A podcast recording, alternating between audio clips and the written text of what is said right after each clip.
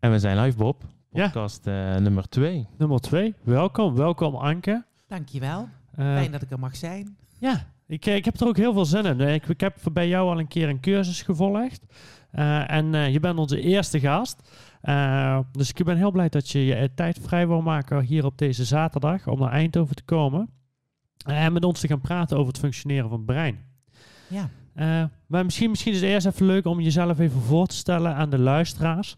Eh, wie is Anke? Eh, komt uit Velden. Eh, maar eh, ja, vertel even kort. eh. ja, mijn naam is eh, Anke Lomme, inderdaad. En ehm, wij eh, wonen in het prachtige Velden. Eh, ik heb een bedrijf eh, genaamd Black. Dat is eigenlijk de afkorting van een hele lange naam. eh, Body Language Insight and Knowledge. En eh, ik geef trainingen op het gebied van eh non-verbale communicatie. Inderdaad, waar komt dat vandaan? En dat komt vanuit het brein. Dus ook heel erg gericht op eh, gedrag. Eh, daarbij kun je denken aan eh, bewust en onbewust eh, gedrag. En ehm, ik bied een aantal opleidingen aan. Eh, en daarnaast inderdaad een opleiding eh, die jij eh, bij ons gevolgd hebt. Voos met je klant. Voos met je klant. Ja. Dat is echt eh, een van de parels waar ik aan mee heb gewerkt. Of die dus van ons is. En dat is samen met, wel, dat doe ik niet alleen. Ja. Dat doe ik samen met Eliane Reehuis van Drijfveerkracht. En daarin hebben wij onze expertises samengevoegd om een boek inmiddels en een opleiding vorm te geven.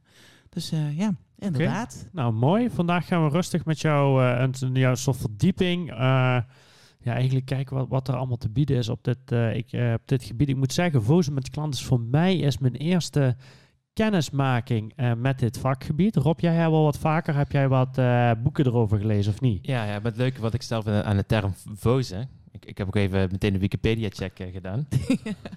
vozen betekent dus het seksueel frunneken. Dat seksueel seksueel frunneken. frunneken met je klant. Ja, te gek. Nou ja, eh, fozen, dus foos, dat zijn, eh, in principe zijn het vijf letters. Dus wij eh, hebben er een ootje bij gesmokkeld. En dat zijn eigenlijk de stappen die je dan zet in een optimale klantrelatie. Waarin ja, dat je niet alleen rekening houdt met de klant, maar ook waardoor dat je wat zelfzekerder naar voren weet te stappen. Maar inderdaad, Foos vonden wij toen wij het bedachten.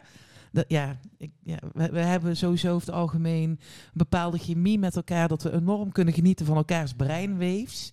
Dus eh, wij waren helemaal blij. Ja, echt. eh, Ja, maar ik denk ook wel dat het klopt. En basis is een, een, een, een klant binnenhalen is ook een soort een flirtachtig. ja, zeker. Hè, ja. Je moet naar binnen stappen, je moet even over een bepaalde angst heen, je moet eh, een opening zien te zoeken. ja. En dan moet je die ander aan jou proberen te committeren, want hè, je mag niet weglopen zonder telefoonnummer of zonder afspraakje. ja, ja, ja. Nee, dus het lijkt eigenlijk best wel veel. ja, er zijn heel veel raakvlakken, dus ik snap die naam wel.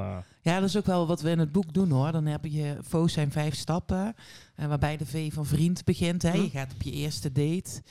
Ehm, en dan wil je alvast eh, snuffelen en iemand leren kennen. Maar je wil vooral ook een hele goede indruk maken. Ja. Dus je wil niet dat die partner denkt, nou...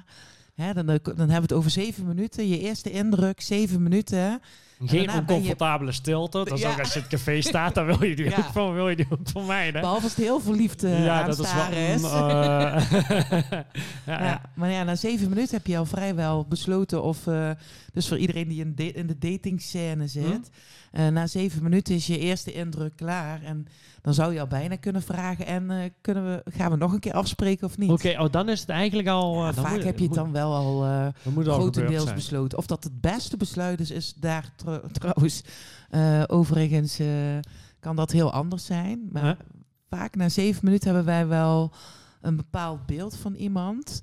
En dan die tijd daarna gaan we zoeken naar bewijzen dat ons beeld klopt. Oké. Dus eh, dat, eh, dat is dan die confirmation bias. eh waar we toevallig Ah. straks toen we met Hm. koffie eh, Ja? nog zaten over hadden. Dus een eh, confirmation bias wil zeggen dat wij zoeken naar dat wat wij denken dat klopt. Oké.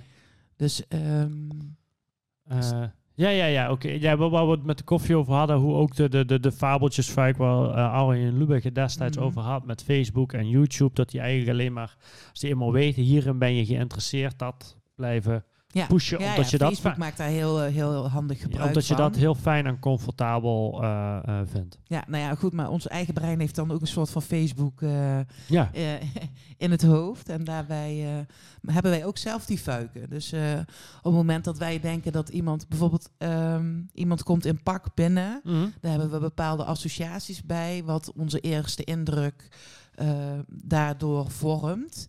Eh, dat kan verschillend zijn. Dat heeft te maken met ehm, eh, wat voor ervaringen jij hebt met pak en wat voor beeld dat je hebt met pak. Maar eh, vervolgens ga je op zoek. Dus stel dat als er iemand met pak binnenkomt, ja. dat ik ervan uitga dat die persoon heel succesvol is. Dus die persoon die begint te praten, dan zal ik vooral de informatie eruit gaan filteren die bevestigt in mijn hoofd Mhm. eh, dat die persoon ook echt succesvol is. Oké. En dat is eigenlijk, dus die eerste zeven minuten ben je nog ergens in, in verwarring. En Mhm. eh, heb je wel al allerlei eh, vooroordelen, onbewuste vooroordelen gemaakt. Maar na die zeven minuten ga je vooral die bevestiging zoeken.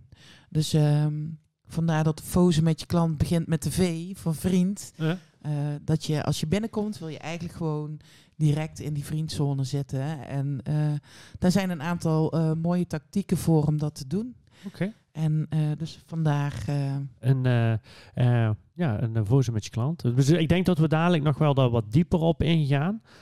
Op jouw website staat dat jij, ja, dat je eigenlijk dat jouw trainingen er zijn ter verhoging van de emotionele intelligentie.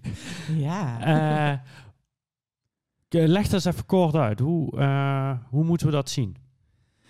Ehm, nou ja, goed. je, hebt je, je hebt het IQ. Ja. Dus, dus van welk niveau dat je hebt of hoe snel je schakelt. Mhm. Zit, het zit heel erg in de, de cognitie. En eh, dan heb je ook nog het emotionele brein. Ja, er zijn er nog meer hoor. Je hebt nog het, het bewegingsbrein, geloof ik. En eh, laatst las ik al een artikel over een spiritueel brein. Dus er Oké. schijnt meer eh, op de wereld te zijn.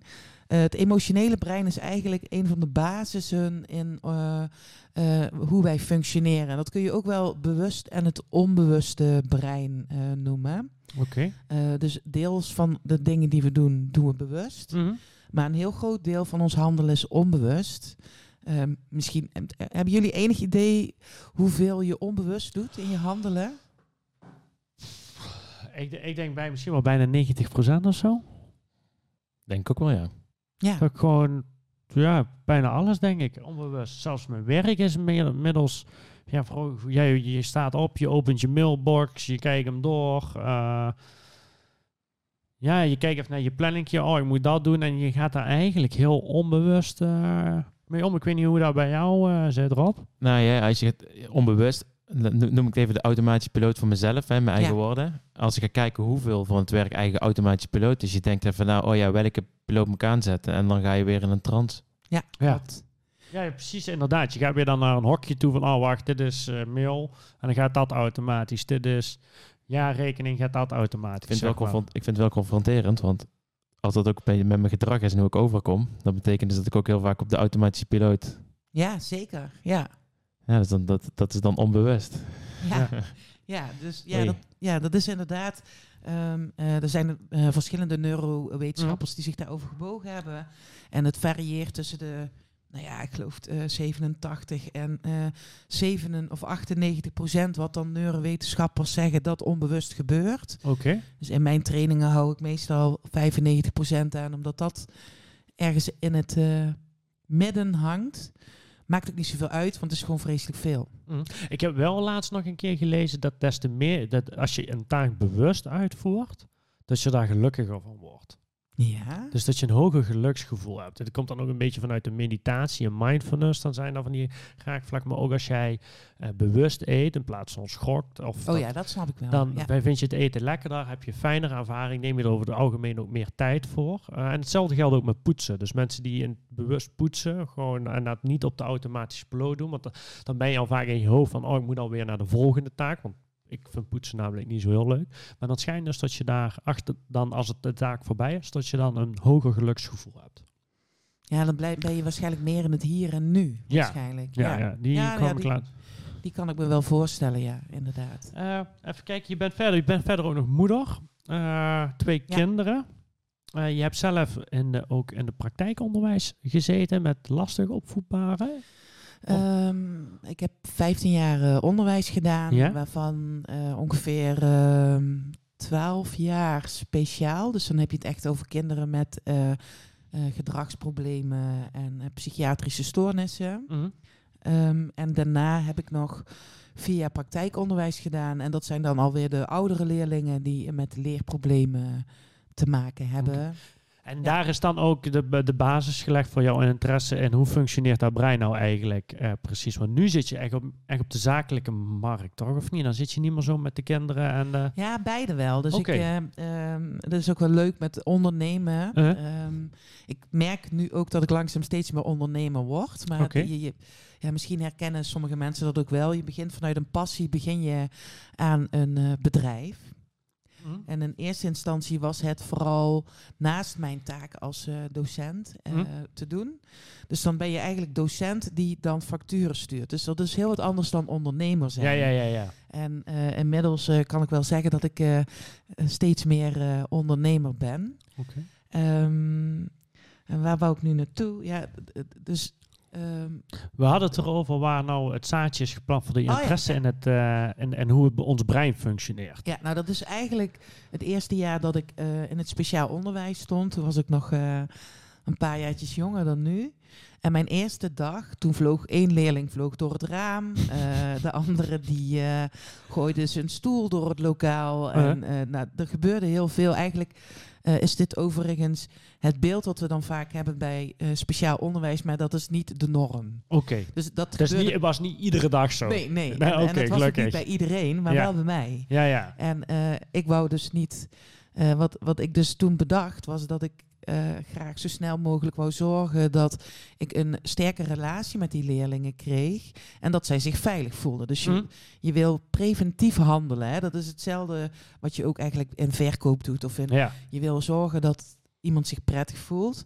En eh, toen dacht ik, ja, hoe ga ik dat dan doen? En toen, als je dan naar eh, collega's gaat, ja, ja, dat is, dat, dat is ervaring. Ja, eh, hel.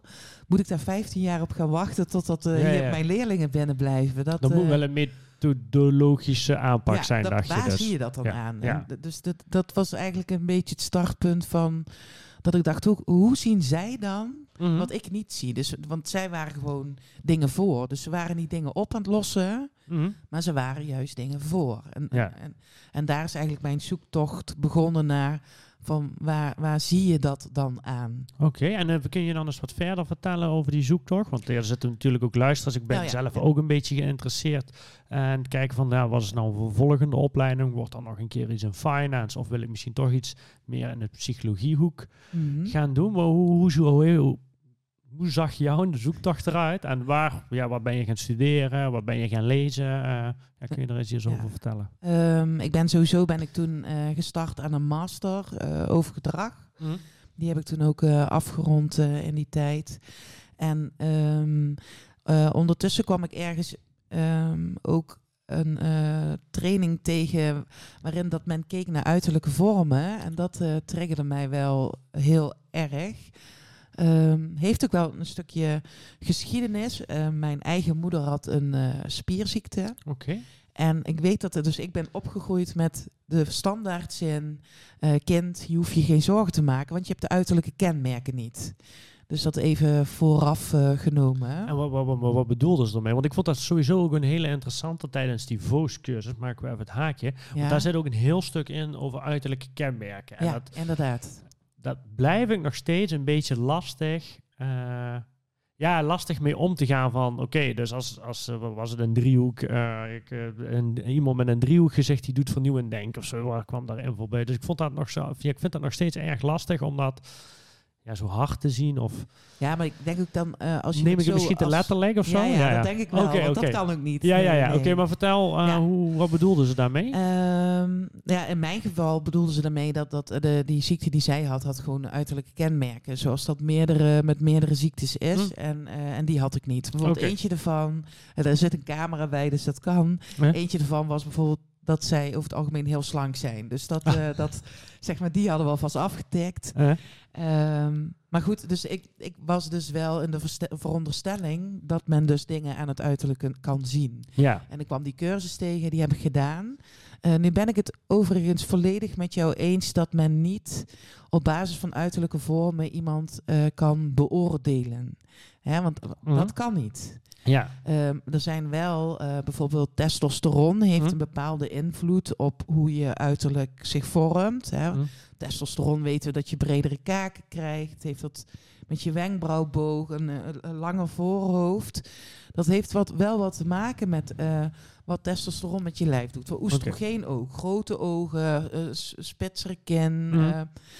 En, dat, en die hormonen hebben natuurlijk wel weer invloed heel erg sterk op je gedrag. Ja, maar dan, dan nog altijd blijft de context bepalend. Dus Mhm. eh, eh, iemand die een hele hoge vorm van testosteron heeft. En dan kun je denken aan hele hoekige, brede eh, mannen die heel actiegericht zijn. Trouwens, vrouwen kunnen ook, hebben ook testosteron. Ehm, die kunnen natuurlijk over het algemeen, als je een, een nullijn zou nemen, hebben zij een andere manier hoe ze met dingen omgaan. Mhm. eh, dan iemand die heel hoog zit in oestrogeen. ja. Uh, Nee, die- maar ja, dat wil natuurlijk niet zeggen dat die niet ook een ontzettende huilbui kan krijgen. Of dat iemand met hoge oestrogeen ook niet gewoon een keer flink eh, eh, uit zijn slof kan schieten, bijvoorbeeld. Maar ik denk ook, eh, eh, Rob, hoe zeg jij dat altijd? Weet je wel, eh, en met, eh, met Jordan Peterson heeft er ook vaak iets over. Hè? Je ziet het, je, eh, je, eh, de excessen worden zichtbaar in de extreme. Dus Mhm. iemand die met mensen bijvo- bijvoorbeeld waar veel geweld plaatsvindt, hè, mannen die gewelddadig zijn, zullen heel veel testosteron hebben. Dat wil niet zeggen dat iedereen die veel testosteron is automatisch heel gewelddadig Nee. is. Toch zeg ik goed zo, Rob, of niet? Of hoe, jij verwoordt hem altijd heel mooi, moet ik zeggen. Ja, ik, ik, ik- je hebt het voldoende, van, van voldoende kwaliteit eh, toegelicht. Oké. Ja, maar dat, maar dat geldt Maar hier geef dan... je geen acht, Bob. Geef je geen acht. Oké, dan doe jij hem even. hè? Dan doe jij... Nee, is voor jullie jongens. Oké, maar, dat, maar dat, dat, zo zit dat denk ik hier dan ook. Zeg maar, de, de, in de extreme worden deze kenmerken zichtbaar. Ja, het is, het, het is een, ehm, een techniek die je handvaten geeft om iemand gewoon sneller in te schatten. Oké. Uh, maar ook uh, om jezelf bewuster te worden van wat je uitstraalt. Um, uiteindelijk, het, is, ja, hoe zeg je dat? Um, het is natuurlijk een heel uh, wankel gebied als je gaat kijken naar een, iemands uiterlijke kenmerken, Hm. omdat daar nogal wat van gevonden wordt. Er Ja. zijn Ja. mensen die uh, zijn heilig overtuigd. Ik bedoel, ga naar bijvoorbeeld naar China, daar zijn, worden chirurgische ingrepen gedaan op basis wat het gezicht laat zien om hun toekomstvoorspellingen te voorkomen. Uh, okay. Dat is natuurlijk een hele andere cultuur. Daar leeft dat, dat veel meer dan in, uh, in onze wereld. Hè. Um, in die zin is het gewoon een pseudowetenschap. Maar goed, dat geldt ook voor acupunctuur, osteopathie. Uh, mm. noem maar eens even een heel riedeltje op. Um, dus het, het, het, het, gevaar is dat als op, op het moment dat, stel, ik zou jou analyseren op gezichtskenmerken en ik ga daar dan een definitieve stempel aan vasthangen. Dat Mhm. is het gevaar. Ja, ja, ja. Dus je kunt het gebruiken als hulpmiddel. Vaak het, een beetje de 80-20 regel, misschien wat je Maar- net ook al bedoelt. Even, even vraagje, want Bob heeft het altijd over, eh, over dat, dat hij aan, aan, aan de vorm van mijn voorhoofd kan zien dat ik analytisch ben ingestoken. Ja, nou ja, in principe jouw voorhoofd, inderdaad. Daarin zegt men dat dat het vorm is van een analytische denker. Klopt. Ja, en het grappige is, Rob wordt dan, gaat dan heel analytisch denken waarom dat dan niet zo is, zeg maar. Ja. Dat vind ik dan altijd zo mooi. Ja, maar Rob is ook wat. Je hebt de focus met je klant Ja. gedaan. Eh, Rob zit natuurlijk ook wel echt op de innovatieve. ja, Ja, dus dat, Ja. dat is. ja, zeker. Dus nou, dat- waar, waar ik allergisch zelf voor ben, zeg maar, is, kijk, als jij, als iets in de meerderheid het geval is, wat ik, wat ik echt kan geloven, en dan, vind Mhm. ik, dan is het bruikbaar. Dus als het zo, is, zo zou zijn dat er een relatie is, en dan is die relatie, zeg maar bij 50%, wat een best wel groot ehm, eh, aandeel is, denk ik, hè? Mhm. dan, dan moet je er rekening mee houden. Met hey, aan de uiterlijke kenmerk zou ik eventueel met deze persoon aan tafel, dus ik moet erop voorbereid zijn. Maar ik vind niet dat je het als excuus mag gebruiken. Dus dat je in de spiegel kijkt, dat je zegt ik kan niet analytisch zijn, want mijn voorhoofd is niet vierkant. Ja, nou, dat, dat, En, en dus de slachtofferrol, ik wil niemand wijzen, maar dat, dat, eh, dat is eh, waar, ik, eh, waar ik vanaf wil blijven. Van je moet het gebruiken als, je het, als het nut heeft, maar verschil je er niet achter, want het, wil niet, het omgedraaide is niet waar. Snap je? Weet je Ja. wat probeer te zeggen, Anke? Ja, dat snap ik helemaal. En daar ben ik het ook echt volledig met je eens. Want het, dat jij, ehm, eh, dat is met alles wat we leren, dat je een bepaalde voorkeur. ehm, we, we hebben allemaal onze talenten. Dus sommige Mhm. dingen gaan ons makkelijker af dan andere. Maar dat wil niet zeggen dat je je dus niet kunt ontwikkelen in iets wat je minder goed afgaat. Ja. Dus dat is zeker. Maar ik eh, heb het zo waar. ook niet ont. Ik heb het ook meer vanuit. De, voor, voor mij was ook meer de boodschap tijdens de cursus van. eh, eh, ben wel bewust van hoe jij zelf Ja. over kunt komen. Mhm. En op het moment dat je dat bijvoorbeeld ziet van hey, Rob is analytisch, probeer dan als je iets wil verkopen, analytische, eh, eh, argument, rationele argumenten uit en kijk hoe hij daarop reageert. En of hij daar sneller op schakelt en grote ogen kijkt van hé, dit spreekt me aan. Of dat ik bij hem op die emotie ga zitten. Want Ja. dan, en Ja, dat je daar meer op die manier gewoon een stukje eh, bewustwording in creëert. Ik denk dat je daar sowieso al meer succes hebt als je gewoon bewust bent van hé, ik, ik, geef, ik, ik de- deel mijn argumenten in bepaalde categorieën in. En ik ga bewuster kijken hoe reageert de ander op een bepaalde categorie argumenten. Ik denk dat dat sowieso alleen daar al de winst in zit. Ja. En dan, ja. misschien- Ja, het is ook wel net zoals met eh eh Fozen met je klant. Eh? Dat het zo succesvol is, ook omdat je leert in die opleiding niet alleen naar vormen te Ja. kijken, maar je kijkt naar lichaamstaal, je kijkt naar kleding. Bijvoorbeeld, als ik hier Oh ja. binnenkom, we zitten nu in de, in de, in de ruimte van, eh, van Rob, Eh? Dan, In het- in het dan ben ik meteen al aan het ja. scannen. Wat zie ik, wat zie ik niet, wat is interessant. En dan... dan Oh, kunnen we die dan eens doen? Wat En, zien eh, we? hoe- Dat vind ik al wel leuk. vind ik en ook hoe leuk. Ja, ja, kleedt, ja. hoe Ook leuk. eh, Rob Ja. zich? Nou ja, je komt binnen en het voelt al eh, eh, enigszins als een... ehm, een, een, eh, inderdaad nog een, een, een stukje studentenhuis-achtig. Oké. Ja. Ehm, wat interessant is, is dat hij heel veel boeken heeft, heel veel films. Dus eh, op het moment dat je dus met hem... Kijk, nu, nu was, het, was ik het, het, het onderwerp van aandacht. Mhm. Maar stel dat het andersom was geweest, dan vraag je bijvoorbeeld naar oh, wat, welk film, wat voor films. Of eh, zijn er allerlei ingangen die je natuurlijk al hebt. Eh, boeken. Ehm, hij heeft ook wel van die. van die wat, ik, wat me dan integreert is dat daar een koffiezetapparaat staat en daar ook. Of Ja. een koffie, dat vind ik dan interessant. Dus dan zou ik dan, ben ik wel benieuwd naar waarom heb je daarvoor gekozen? Ja. Ja, nee, dit, dit- leuk. Kijk, en dit is ook leuk, eh, vind ik nou even een kleine... Ah. We hebben het over foto's met de klant, hè? Ja, En, en Bob begon in het begin van de podcast over eh, flirten. Zeg maar, het is leuk, want ehm, met de corona nou, dat je dus als je dan een eerste date met iemand hebt, dat je meteen thuis moet oh ja, afspreken. Ja, zeker. Dus, dit, dus in plaats, je zit in een kroeg, waar moet ik het over hebben? Hè? Of in een restaurant of whatever. Of eh, eh, ik heb het zelfs over gehoord, het is nou SOO, en slowo, of doen zo en wowo. Long walk, eh, Oh slow ja, walk, eh, Ja, ja, ja, drama, drama. Ja, Maar, ehm, maar, maar, maar inderdaad, kijk, het, kijk het, het- sommige dingen zijn ook niet wat je verwacht. Want de enige reden waarom dat er bijvoorbeeld zoveel films bij mij in de kamer staan, is omdat ik een afscheiding wilde maken in een open kast. En ik heb de oude dozen opengetrokken. En het enige wat ik nog had wat blokkeerde waren dvd's. Ik heb niet eens een dvd-speler. Oh, dat is toch te gek? Ja. Dus ik heb die gewoon erin gezet, omdat ik dan nog een keer moet aftimmeren. Nou, hoe timmer je eraf? Ik ben van de oude stempel, dus dan ga ik naar een bouwmarkt toe. En dan zeg ik, ik heb zo'n grote plaat nodig. Alleen die is dicht vanwege de corona. Dus ik ben dat soort klusjes ben gewoon aan het uitstellen. Ja. En de koffiezetapparaat is heel erg makkelijk. Kijk, voor corona heb je zoiets van... ik moet gewoon af en toe een lekker kopje koffie hebben. En als je iets doet, dan moet je het goed doen. Dus de kopje koffie moet gewoon eh, lekker zijn. En, en voor de luisteraar die het niet kan zien... er staat een Bugatti Diva apparaat thuis. Dus een handmatige koffie of espresso maker. Best wel moeilijk met druk en zo. En hoe fijn moeten de bonen gemaald worden. Dus dat, dat duurt wel zeker een minuut om een kopje koffie te maken. Alleen als je een conference call hebt, dan heb je geen zin. En als ik hier drie kopjes koffie moet maken, dan wil je niet dat ik een kwartier weg ben. Weet je? Mhm. Dus op een gegeven moment kom je tot de conclusie, hij, hij voldoet niet meer. Dus heb ik een Nespresso-apparaat gekocht. zodat ik snel drie kopjes koffie kan zetten. Zeg wel wat over jouw perfectionisme dat je dat apparaat hebt, hè? Ja, ik ik vind meer. Effectiviteit. Gas- Het is- ja. Het is meer de gasvrijheid. Van, goh, ik, ik wil gewoon dat mensen een lekker kopje koffie hebben. Maar ik, het is belangrijk dat ze een heel goed kopje koffie hebben, wat Nespresso is. Mhm. Ehm, dan dat, dat, ze een, dat ze een kwartier moeten wachten eh, op, een, op een heel erg, of een ja, extreem goed kopje koffie. Weet je? En pragmatisme. hè. Ik bedoel, als we hier met drie man zitten te werken, dan schiet het ook Ja, niet dat op. schiet eh. niet op, joh. Nou, en dat nou, maakt nog eens heel veel Tijd is geld dan ook, Dus- hè? Ja, het interessante is ook Ja. wel, wat je dan al in, in hoe jij vertelt, hoor je al terug ehm, dat het iets te maken heeft met praktisch, snelheid, maar ook kwaliteit. Ja, fluistert hij al in. Ja. Dus dat, is, dat zijn wel leuke dingen om te horen. Kijk, Ja. En dat is inderdaad het voordeel als je bij iemand binnenkomt, kun je daarnaar vragen. Ja. Dus dat, hoor je, dat leer je natuurlijk ook wel.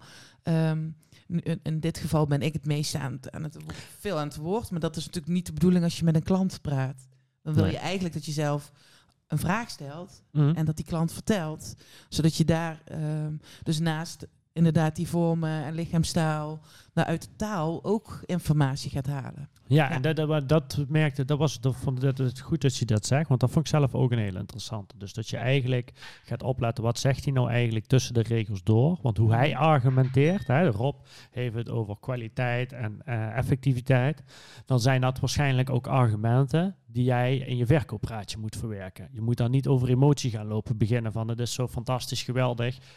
Dat als jij dit koffiezetapparaat komt, dan voelt iedereen zich gelukkig bij jou thuis, want hij heeft het net over kwaliteit en effectiviteit. Ja, maar ook welkomheid. Ja, oh ja, Want welkom. dat vindt hij wel trouwens. heel ja, ja, ja, precies. dat-.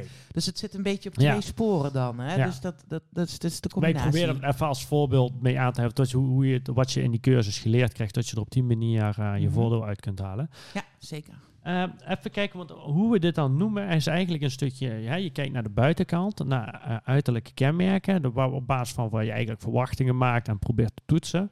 Eh, en dan, volgens mij noemen ze dit, eh, eh, en ook het verbale en non-verbale haal jij heel erg naar voren in je cursus. En dan noemde jij aan de, aan de telefoon van oppervlaktestructuur naar dieptestructuur. Hoe zegt dat goed? En wat houdt dat dan? Dat is een beetje de paraplu waar dit onder valt? Of? Ehm, De- nou ja, het, het, het, eh, het, het- de paraplu is eigenlijk het brein waarin dat het onbewuste en het bewuste eh, ondergeschaald wordt. Dus, eh, en dan echt gericht op gedrag. Mhm. Hoe we dingen aanpakken, hoe we dingen doen. En oppervlakte en, dieptestructuur, dat de, de mensen die NLP hebben gedaan, die kennen die termen. Ja. En dat heeft vooral dat je ehm, ja, vanuit de taal ook kijkt van wat zit eronder. Mhm. Maar dat geldt in mijn beleving niet alleen voor taal, maar dat geldt ook voor eh, non-verbaal eh, gedrag.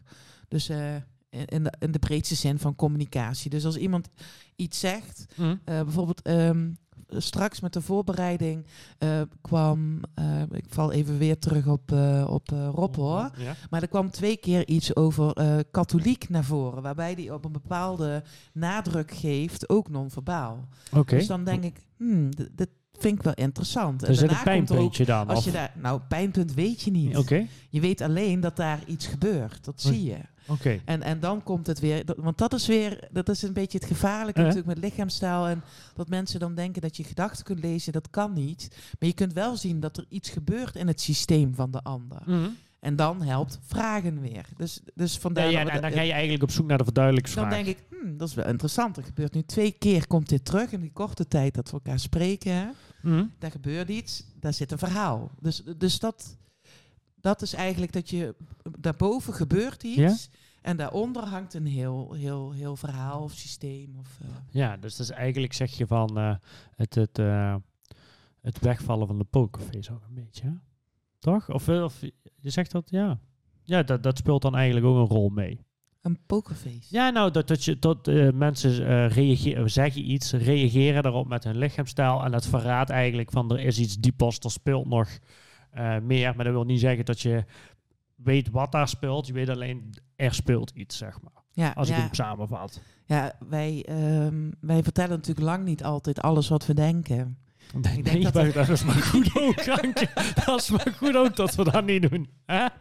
Ja, ik denk dat we dan behoorlijk in de problemen Ja, kwamen, als we dat hè. altijd maar eh, alleen maar lopen te doen. Maar je lichaam eh, is daarentegen gewoon eh bloed eerlijk. Dus dat is, dat is een beetje het nadeel. Je ziet wel eens iemand zeggen dat... eh, oh, ehm, ehm, ik vind het echt heel leuk om jou te zien.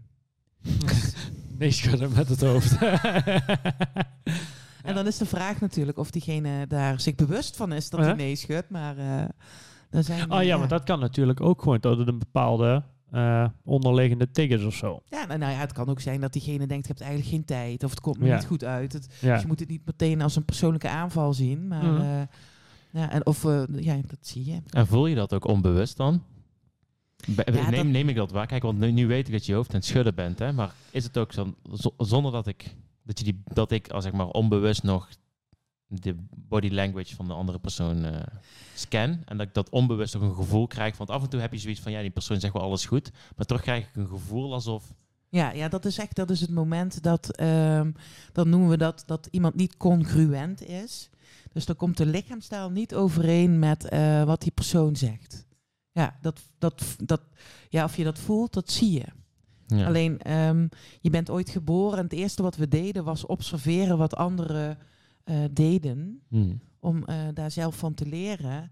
Dus heel veel patronen weten wij ook wel onbewust. Um, in lichaamstaaltrainingen uh, zie ik heel vaak dat mensen denken: Oh, oh ja. Ja, eigenlijk Ja. ook wel logisch. Dat- Eigenlijk, waarschijnlijk heb je dat repertoire je ergens aangeleerd. Maar op Mhm. het moment dat je het bewust weet, kun je het veel eh, co- concreter, effectiever eh, inzetten. Ja, maar ik denk ook wat jij bedoelt, Rob, is dat er af en toe merk je gewoon, daar is een, eh, met elkaar een mismatch. Maar die, Mhm. terwijl dat je denkt van, nou, dat is eigenlijk niet nodig, er wordt niks vervelend. Je zegt, maar je kunt hem niet plaatsen. Dus dat je toch misschien iets aan de lichaamsstijl ook onbewust voor werkt, maar zonder dat je daar in je bewustzijn iets mee kunt doen, dat je dan, Ja, ja. dat, dat dat toch iets dan op de achtergrond speelt met elkaar, van waarom je elkaar niet... Ja, en dat, of- dat kan heel veel verschillende redenen hebben in principe. Of dat diegene niet congruent is. Maar het kan ook zijn dat eh, bijvoorbeeld, eh, we hadden het, ehm, je hebt dan die, die drie eh, breingebieden.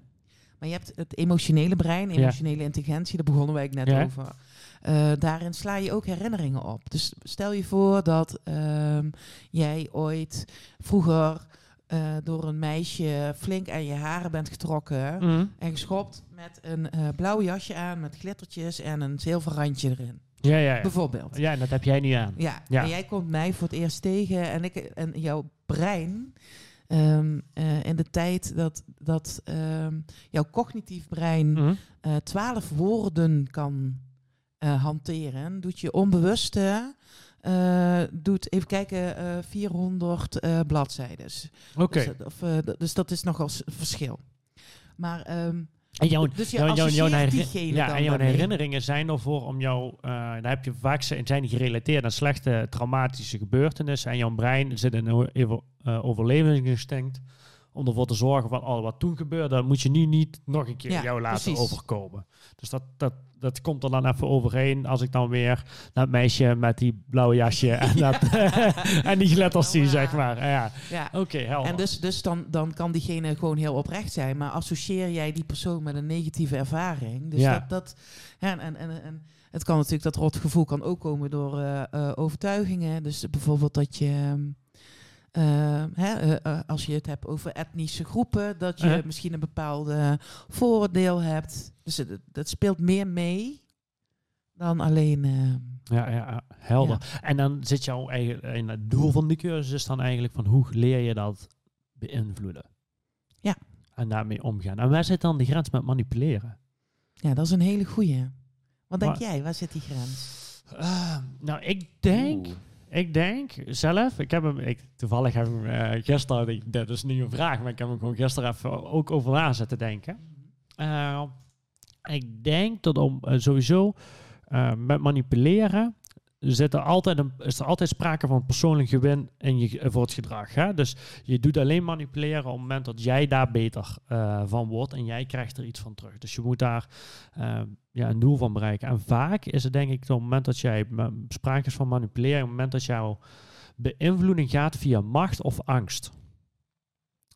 Dus op het moment dat ik die twee facetten heel nadrukkelijk inzet om jou te beïnvloeden, dan ben ik eigenlijk aan het manipuleren. Dus hè, bijvoorbeeld een, een kind dat zegt van, nou, als ik nu niet geld krijg, dan doe ik mezelf wat aan. Weet je wel, tegen de ouder.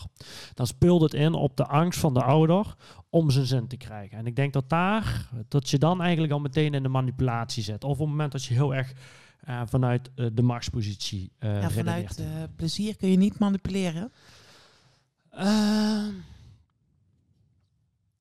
Ja, dat zou wel kunnen. Eh, ik denk dat je vanuit, daar kun je denk ik ook wel een beetje vanuit manipuleren. Maar dat, ja, toch, toch een heel stuk minder. Want dan kiest die persoon er ook zelf voor om dat plezier eh, mee te hebben. Eh, maar ik denk, maar dan, ja, het- ik denk man, je kunt ook manipuleren door plezier weg te nemen. Hè? Van, oh, als we dit niet doen, maar dan zit je toch aan de angstfactor zit je te werken. Als, als, als jij nu niet geeft wat ik wil, dan laat ik jou, dan hebben wij nooit meer plezier samen. Zit je toch En dan ben je alleen, ben je eenzaam. Dus dan zit je toch op een, op een angstfactor, zit je dan, eh, Hm. ben je dan bezig. Dus ik denk dat daar heel snel de... Dat je dan sowieso over de grens gaat. Laten we het zo stellen.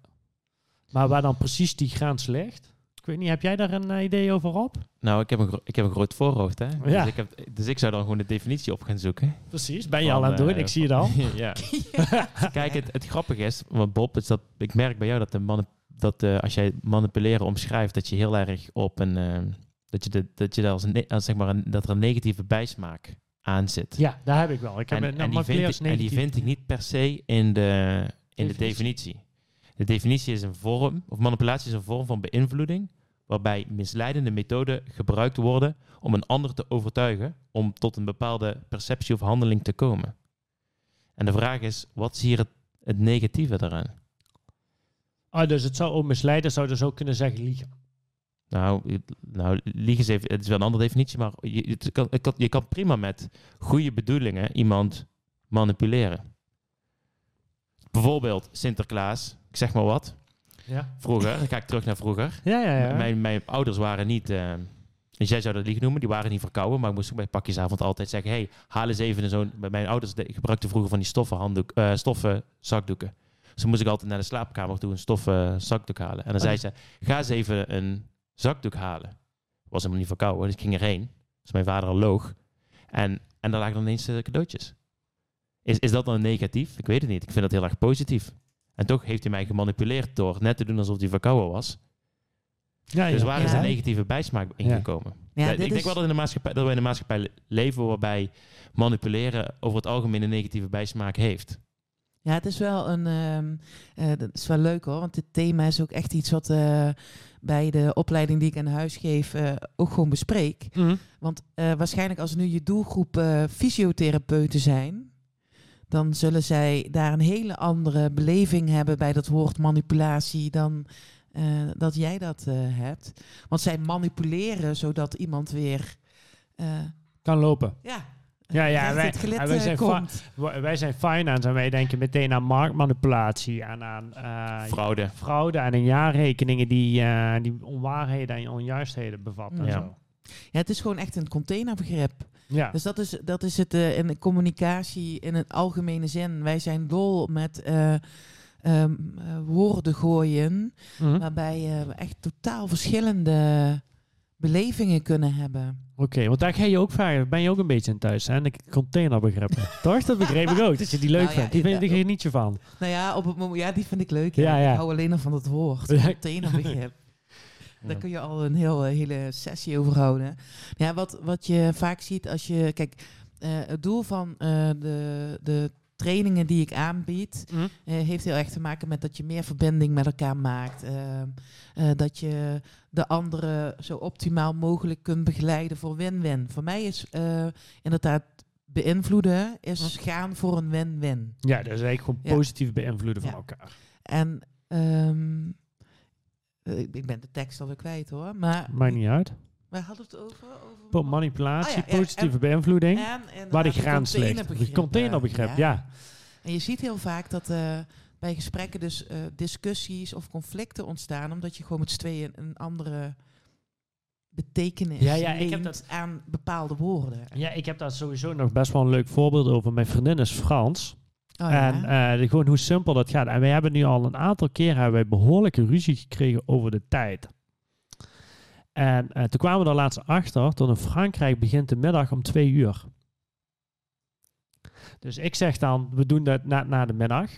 En dan is dat voor mij tussen 12 en 1, zeg maar. Of ik, eh, en voor haar is dat dan na twee uur. En, dan Oh. hebben- en dan op een gegeven moment kwamen we erachter, want toen begon zij Wikipedia erbij te pakken van, eh, wat is het nou, eh, van waar heb jij het over? Oh, de middag begint om twee uur. En inderdaad, in Frankrijk begint de middag om twee uur en de avond om acht uur en bij ons om zes uur. Dus wij zitten, zaten ja, heel zo vaak compleet naast elkaar te praten. En dat, en dat heb je natuurlijk ook met containerbegrippen dan. Hè? Als, Mhm. jij, als wij niet dezelfde eh, definitie hebben van respect of eh, manipuleren, of eh, noem jij dan nog eens een Rob? Mooi hè? Mooi containerbegrip. Wat is jouw favoriet? Proactief. Proactief. ja. Proactief. dus eh, ja. ja. helder. Eh, Als wij, eh, want we hebben ook, eh, hoe, eh, kun jij even, we hadden, we hadden zo'n afbeelding ja, van, die, eh, Ja. van die ijsberg. De afbeelding met de ijsberg. Ja, die, misschien is die wel even handig om er bij te kijken of pakken die- of we die hebben. Ja, ga eens even kijken. Dan zet ik wel eh Anke in beeld. Zo, want dan kunnen de luisteraars eh, ook... ehm, Oh, wacht, dan beginnen we bij het begin. Dat is misschien, we Ja, hebben ja, net over precies. gehad, over die breinen. ja, even kijken. Want dit is dan de eerste slide. En dan zie ik een... Ik zie dan een hoofd. Ik weet niet, ja, ja hij staat ook op beeld, ja. Een hoofd... ehm, Het reptiele brein, het Libische brein en de neocortex. Ik denk dat iedereen, of in ieder geval de meeste mensen kennen die wel al. maar voor de, voor de, vrij mensen, veel mensen kennen Sorry, die wel. voor de mensen die in de- in kennen. voor de mensen die in de auto zitten. Ja, Nou ja, voor de mensen die hier in de auto zitten. Nou, hier zit. ehm, ja, we zien hier een afbeelding van een hoofd waarin dat, eh, er een onderscheid gemaakt wordt in drie breinen. En eh, dat is de, op eh, het drie-enige brein van eh, Paul MacLean. En die gaat vanuit de filosofie dat ons brein is ontstaan door evolutie. Waarbij het reptiele brein het eerste deelbrein Hm. was. En eh, daarin zie je dan de hersenstam eh, onder andere, de reflexen zitten eh, en onze overlevingsinstincten. En vervolgens kwam volgens hem in de evolu- evolutie het limbisch systeem, waar onze emoties zitten, maar ook waar wij onze herinneringen opslaan, ehm, zitten in het eh, limbisch systeem. En daarna kwam, veel later kwam de neocortex. En dat noemen ze dan ook wel eens het mensenbrein. Waarin dat je dus het rekenen, plannen, eh, denken. eh, ook het deel wat, wat zorgt dat je kunt leren lezen Hm. eh, zit.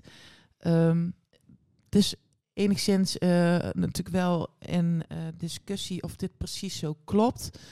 Eh, wat het voordeel van dit systeem is, is dat het gewoon heel simpel, duidelijk is wat er gebeurt in het brein. Dus de Ja, ja, drijfveren zijn die Zo'n soort co- conceptueel raamwerk van Ja. hoe zou je dat tegen...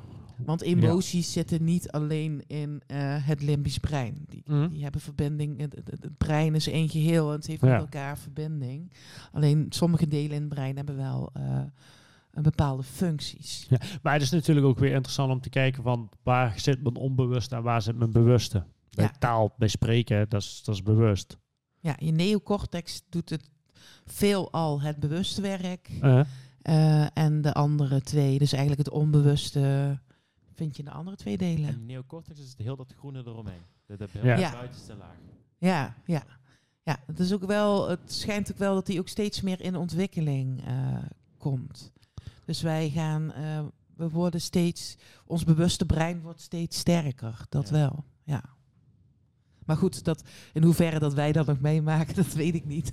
Waarschijnlijk niet. Maar eh, evolutionair eh, zou is dat slimmer moeten stuk worden. eh, wat, eh, waar heel wat filosofieën over de ronde gaan. Maar eh, ja, En hebben, hebben alleen mensen dan zo'n neocortex? nee, nee, nee, niet alleen mensen. Bijvoorbeeld eh, dolfijnen. Hebben dat ook? Het zijn meerdere dieren hoor. En, eh, en wij hebben in verhouding eh, best wel een grote eh, brein. Maar eh, je hebt eh, bijvoorbeeld een, eh, een vorm van een spitsmuis. Die, het- daar is het brein geloof ik eh, drie keer zo zwaar als het ge- gewicht van het muisje.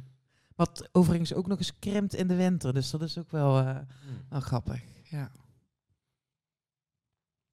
Ja, dat is wel grappig, want ik heb in dat boek van, eh hoe heet die, onze, eh, van de correspondent, hoe heet die nou? Een positiviteitsboek, die heb jij hier ook de, liggen. de meeste mensen deugen. De meeste mensen deugen. Die, eh, volgens mij eh, behaalt hij dat ook in zijn boek aan, ook de relatie tussen voeding en eh, je, je, want je zegt dat net van de winter, dan krimpt. Eh, haalt hij dat ook aan over voeding en je IQ. Dus dan hadden ze boeren IQ getest voor de oogst en na de oogst. En daar zat ergens eh behoorlijk eh, verschil in. En tussen hoe ze presteren. Dus dat zou een brein naar, eh, dat dat niet eh, een vaststaand geheel is, maar eigenlijk, eh, Nee, nee, zeker niet. Je hebt de neuroplasticiteit van het brein. ja, Dus ehm, kijk, dan, dan krijg je ook een beetje het verhaal van nurture versus nature. Ik weet niet of je Ja, dat ja, ja. kent. zeker. Ehm, ja, dus met welke aanleg word je geboren en wat leer je dan door je leven heen? Ehm, en je hebt dus neur- neurale paden. Mhm. En als je geboren wordt, dan heb je echt een gigantische hoeveelheid aan, eh, eh, systemen en verbindingen. Maar eh, dan wat, hoe jij wordt gestimuleerd, Mhm. gaat bepalen welke waar, wegen van zandpaadjes, zullen we maar zeggen, naar geasfalteerde snelwegen worden aangelegd. Dat heeft te maken met, eh, dus je brein is eigenlijk er klaar voor om of in eh, Afrika geboren te worden, of in Europa, of aan de Noordpool. Mhm. En afhankelijk van je omgeving en opvoeding gaan er dan bepaalde banen krijgen dan hun. ehm, ja, dat- zijn de Ja, ja. snelwegen die jij gebruikt als eh, onbewust. Oké, Dat, je onbewust is ook veel sneller dan je bewuste. Ehm, Ja, en dan heb je natuurlijk ook nog gewoon de hele invloed van voeding, hè? Ja, Op je brein. heeft er ook eh, zeker eh Want eh, ik heb dat zelf gedaan voor ADHD. eh, naar zo'n voedingscoach gegaan van de Mhm. Universiteit van Maastricht. Eh, die deed onderzoek naar de hersen-darmas. Dus die hadden best wel veel ontdekt over eh, ja, hoe bacteriën in je darm je gedrag eh, eh, en de hersenen beïnvloeden. En laatst is er volgens mij ook vanuit de gezonde basisschool in Limburg. Hebben ze een hele een, eh, eh, eh, een heel traject gedaan door kinderen. S ochtends vroeg geen suikers te geven, maar avocado's en goede vetten en alles. En dan zagen ze ook een forse verbetering van de concentratie eh, en de prestaties op school. Ja, heel interessant. Dus daar zit ook, ja, de, eigenlijk komen we er steeds meer achter. En daarom is het ook wel logisch, want je zegt die uiterlijke kenmerken. Eigenlijk komen we er steeds meer achter dat alles veel meer met elkaar in verband stond. eh, en staat dan eh, wat we vroeger, hè, we de westerse is, eh, maatschappij, eh, eh, gezondheidszorg is vroeger heel erg opgedeeld in hokjes. Hè? Mhm. Dus we doen de hersenen, we kijken naar de darmen en we kijken naar het hart. En we komen er eigenlijk steeds meer achter dat allemaal als één ja, holistisch samenwerkingsgeheel eh, met elkaar eh, in verband staat. Ja, ik, ik vraag me ook af of dat heel vroeger niet al was. En dat dat later eh, door allerlei Ja, e- eigenlijk, kundige zaken veranderd is. Ja. Maar, ja, e- eigenlijk vind ja, dit is wel, wel grappig, want als je bijvoorbeeld kijkt naar bijvoorbeeld de chakra's uit de, uit de Oosterse filosofie, hè, die gaan helemaal ervan uit van die hersendarmas. Hè? Dus dat Mhm. jij, ze- wat is het, zeven chakras hebt met een hartchakra en een hersenchakra en je darm en je, wat heb je nog, eh, je, je, eh, je staartbeentje. ja, je zonnevlek. Ja, in ieder geval, maar dat moet helemaal met elkaar in relatie en in harmonie eh, staan. En of dat dan nou puur spiritueel is, maar Hm. daar zit natuurlijk wel een be- behoorlijke filosofie en tot je een bepaald balans bereikt Ja. op het moment dat je de, de zaken goed met elkaar functioneren. Ik, ik, denk, ik denk ook dat we een kleine shout-out moeten doen naar de westerse wetenschap. Die het in anderhalf jaar een coronavaccinmarkt hebben gedaan. Ja. En daar hebben ze geen chakra bij gebruikt. Ze hebben gewoon gezegd, goh, hoe ziet dit virus eruit? Ik Ja. herken de rand, de Ja. wand. Ja, Hè, en ik maak daar iets voor. En ik denk dat dat ook het... En ik ben geen dokter. Maar ik vind het wel fijn dat als ik naar een darmarts ga... dat die meneer twintig jaar lang alleen maar met darmen bezig is geweest. Een soort van specialisaties, wat ook essentieel is in een goede samenwerking. En ik denk zonder specialisaties heb je überhaupt niet tot deze inzichten kunnen komen. Dat het ene met het andere te maken heeft. Want, want ik denk dat het lichaam zo complex is... dat het heel erg lastig is om alles te snappen.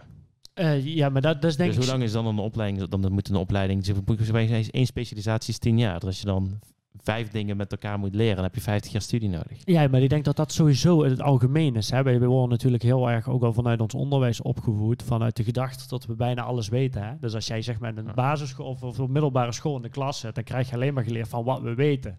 En je bent Ja. je totaal eigenlijk er helemaal niet bewust van, van wat we allemaal niet weten. Ja, vroeger dacht ik dat mijn schooljuf op de, op de basisschool alles wist. Ja, ja. En nou, nou doe ik een MBA waarbij de leraar zegt, ik, ik, ik- we weten bijna niks. Ja. Weet je, Ja. omgekeerde wereld. Meestal, eh, mijn ervaring is het dat hoe meer je weet, hoe meer je weet dat je eigenlijk niets weet. Ja, confronterend hè? Ja, Ja. dus dat, eh, ja, Ja, hebben ze de hele, is toch ook een bepaald syndroom, toch? Wat ze, wat dat dichten ze Trump altijd toe? Heb je dat nooit eh, gelezen? Nee, nee. Oh, hoe noemden ze dat ook weer? Eh, Bij, bij Trump, Trump denk ik aan narcisme, maar dat is denk nee, ik niet wat niet je- narcisme. Dat is zeg maar dat je, eh, doordat je zelf maar een hele beperkte kennis hebt, denk je dat je keihard weet over een onderwerp. Ja, klopt. Ja. dat is Eh, ook een bias. Ja, dat is een klopt. bias. Nu eh, is dat. Oh, ik ben even Moet, ik gaan googlen?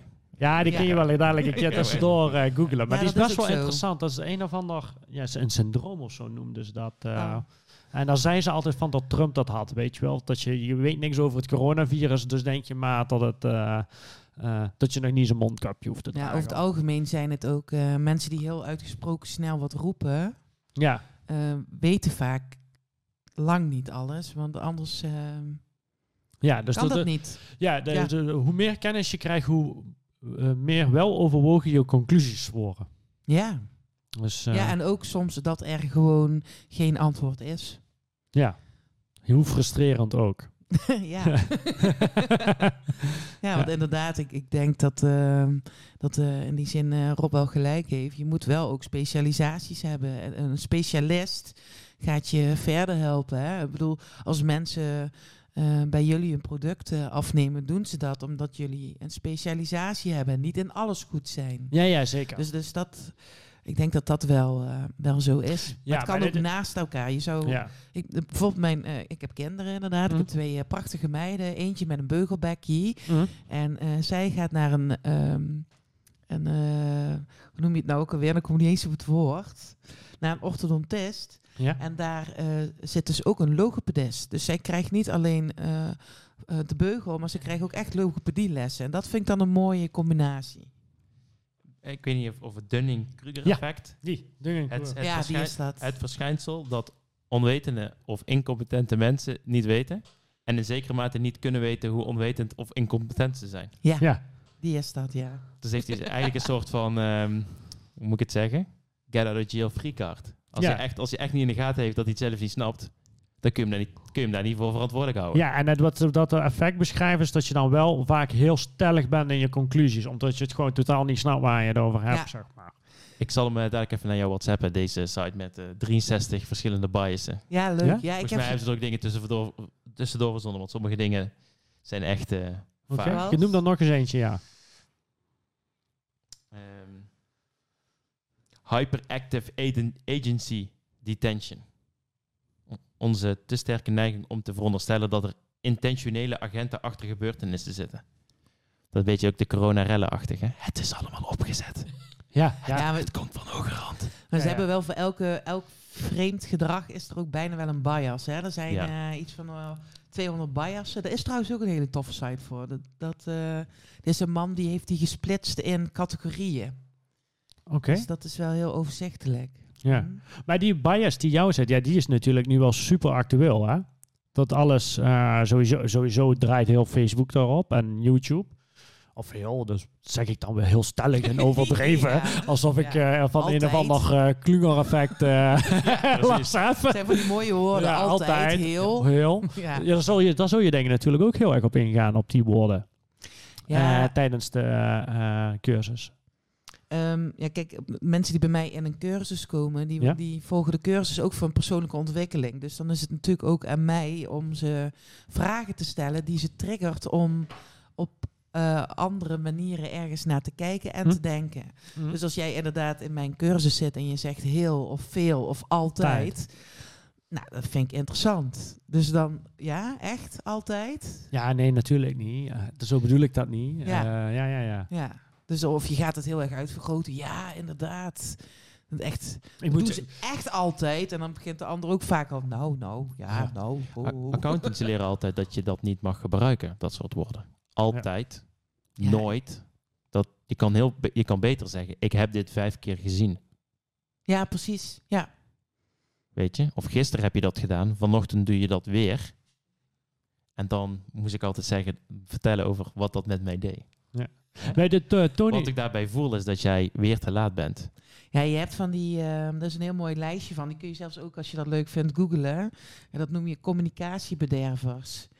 En dat, daar valt Communicatiebedervers. Ja, je hebt me dat- weer aan het werk gezet. Ja. Ja, ja, die, is, die is echt, eh, die zijn interessant. Ehm, en eh, da- daar, dat heb je ook met vragen stellen. Hè. Denk je aan je tas?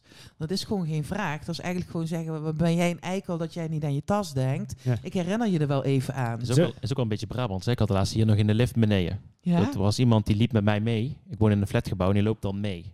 En dat, dat is eigenlijk niet de bedoeling. Je moet aanbellen. En als ik met mijn sleutel aankom en ik druk op een en ik doe met het druppeltje open en de deur gaat open, dan ehm, is het, en vind ik, in Nederland gebruikelijk dat je dan toch buiten blijft wachten totdat die deur open gaat. Mhm. Snap je? Maar het regent, dus ik denk ik laat hem mee naar binnen. Weet je, dus ik laat hem mee naar binnen. En ik zeg van, oh, anders eh, loop ik wel even mee. eh, of zal, er anders, ehm, of ik, ehm, zal ik anders even meelopen met je naar de voordeur? En toen, ze- en toen zei die jongen, ah, eh, excuse me, was iemand die... ehm, ik denk waarschijnlijk een vriend van een expert of zo. Dus dan zei ik in het Engels dan. Ander- wil je anders dat ik met je meeloop? En hij zei van, nee, nee, dat hoeft niet. Ja, toen zei ik ook, ja, dat is, dat is geen vraag. Weet je, ik, ik loop met jou mee, want ik ken je niet. En ik ga niet je vreemde binnenlaten, snap je? Dus Ja. dat is dan ook dan ehm, een vraag wat geen... Ja, dan ja, kun je beter zeggen, ik loop even mee. Ja, maar dat, Ja. is- dat, klinkt, dat klinkt be- beklemmend. En ik zeg van, oh, zou ik anders even met je meelopen? Dat is, dat is vriendelijk, komt vriendelijker over, denk Maar ik. zij, ja. Ja. Maar het is geen vraag. Maar niet hij heeft ook geen optie. Ja. Want hij, zei- als hij zei nee, dan zei ik, toen zei ik ook van, ja, dan gaan we maar weer buiten wachten. ja, ja, precies. Dus je kunt ook gewoon heel vriendelijk zeggen, ik loop even met je mee. Ja, ja, precies. Maar mijn intonatie, dat is altijd lastig, hè? Ja. Strenge- Dus maar jij zegt, eh, eh, jij zegt zelf altijd, van ja, ook altijd over eh, waarom heb je dat gedaan? ik zeg is- nooit waarom. Nee, ik zeg dat wel eens. Dan vraag ik aan Rob van, hey, waarom heb je dat zo gedaan? Dan zegt Rob al meteen, dat moet is je geen houden. vraag. Je Ja. moet je bek houden. Hè? Je bent mij aan het bekritiseren. En Ja. dan Ja. zit, doe ik de vermoorde onschuld spelen. Uite- Uiteindelijk heeft hij wel een heel klein beetje gelijk. dan. ik snap niet waarom dat Hm? hij het gedaan heeft. Maar, eh, maar die herken jij dan ook? Ja, ja, waarom is zo'n eh, vraag? Of eh, ik vind het heel leuk om hier te zijn, maar eh, het is jammer dat ik een kussentje in mijn rug moet. Snap je? dat is heel anders. Dat is, Dankjewel Ja, voor ja. je... dat is, We zullen Ja. erop gaan letten Ja, hoor. maar dat is natuurlijk heel anders dan als ik zeg van... het is jammer dat ik een kussentje in mijn rug moet, maar ik vind het heel erg leuk om hier te zijn. En je switcht gewoon Eh? Een hele simpele taalswitch. En het klinkt totaal anders. Want alles wat, wat, wat eigenlijk eh, voor maar komt, is bullshit. Ja, dat heb ik ook. eh, als ik ook moet notu- notuleren in een vergadering, dan doe ik alles wat, wat voor maar wordt gezet, haal ik gewoon eruit. Dat is ballast. zijn mensen gewoon aan het vertellen over, ik moet sympathiek overkomen of zo. Ja, ja, precies. Dat Maar, is, eh, eh, ja, Ze menen er niks van. nee. Ja, ik vind het altijd mooier als mensen eh, maar vervangen met alle respect. Weet je wel, dan weet je tenminste, hij lijkt het al zo dik bovenop dat hij, dat niet, dat hij wat Ja. ervoor zegt helemaal niet eh, bedoelt. Eh nee, dat vind ik, dat vind ik altijd, eh, dat Ja, vind- ja. daar heb ik dan meer waardering voor. Waar moet ik ook weer googlen? Net. Ik moest iets Communicatie. communicatiebedervers. Ja. En dan kun je misschien op de volgende, eh, Rob, in de tussentijd, op de volgende slide zetten. En dan gaan we gewoon even door. Oeh, oeh, ja, even Die- ja, ja. Kan de twee dingen tegelijk. Deze heb ik van jouw website afgehaald. Ja, dat heb je heel mooi van gedaan. eh www.blik.world. ja, zeker. Eh, kun, kun je hier even wat kort over vertellen hoe, hoe, hoe, hoe ik deze moet zien? Nou ja, ik geef eh, een, eh, naast Fozen met je klant, geef Hm? ik een eh, opleiding en die heet Face, Body and Mind Profiling. Oké. Dus dan ga je echt het, iemand, duik je echt in iemand om diegene te kunnen beïnvloeden. En dan positief. Dat gaat trouwens nooit alleen over jezelf of over de ander. Maar het begint bij jezelf. Dus wat je uitstraalt, ehm, eh, hoeveel kennis je over jezelf Mhm. hebt. En Ja, het is wel grappig dat je het zegt, want ik heb laatst de, de vijf, eh, eh, eh, de, eh, tijdens de kerstvakantie heb ik de vier wijsheden van de Tolteken gelezen. Dat is een klein boekje. En mhm. eentje van is ben onberispelijk in je spraak. En de tweede wijsheid is eh, een, eh, eh, pak niks, neem niks persoonlijks wat anderen tegen je zeggen. En dan zeggen ze eigenlijk dat alles hoe jij praat en hoe jij doet is, eh, eh, is de spiegel van jezelf. Mhm. Dus ook als andere mensen vervelend tegen jou praten, dan is dat eigenlijk een, een spiegel van zichzelf. Dat Ja. bedoelen ze eigenlijk helemaal niet tegen. Ze zitten dan in. De kans is groter dat ze met zichzelf in de knoop zitten. eh, dan dat ze een probleem hebben met jou. Dat was eigenlijk een beetje de boodschap van, eh, van het boekje. Of in ieder geval de eerste twee wijsheden. Die andere twee ben ik nu een beetje vergeten, moet ik eerlijk bekennen. Nou ja, goed. Wij mensen zijn ook over het algemeen veel meer met onszelf bezig Ja. dan met de ander. En dat is natuurlijk het voordeel als je deze technieken leert. Dan leer je, als je dan wel ietsje meer met de ander bezig bent, dan eh, kom je al wat verder. Maar eh, wat jij, ehm, dat noemen we ook wel spiegelneuronen. Oké. Dus wat, wat in principe wat ik uitstraal, Ja.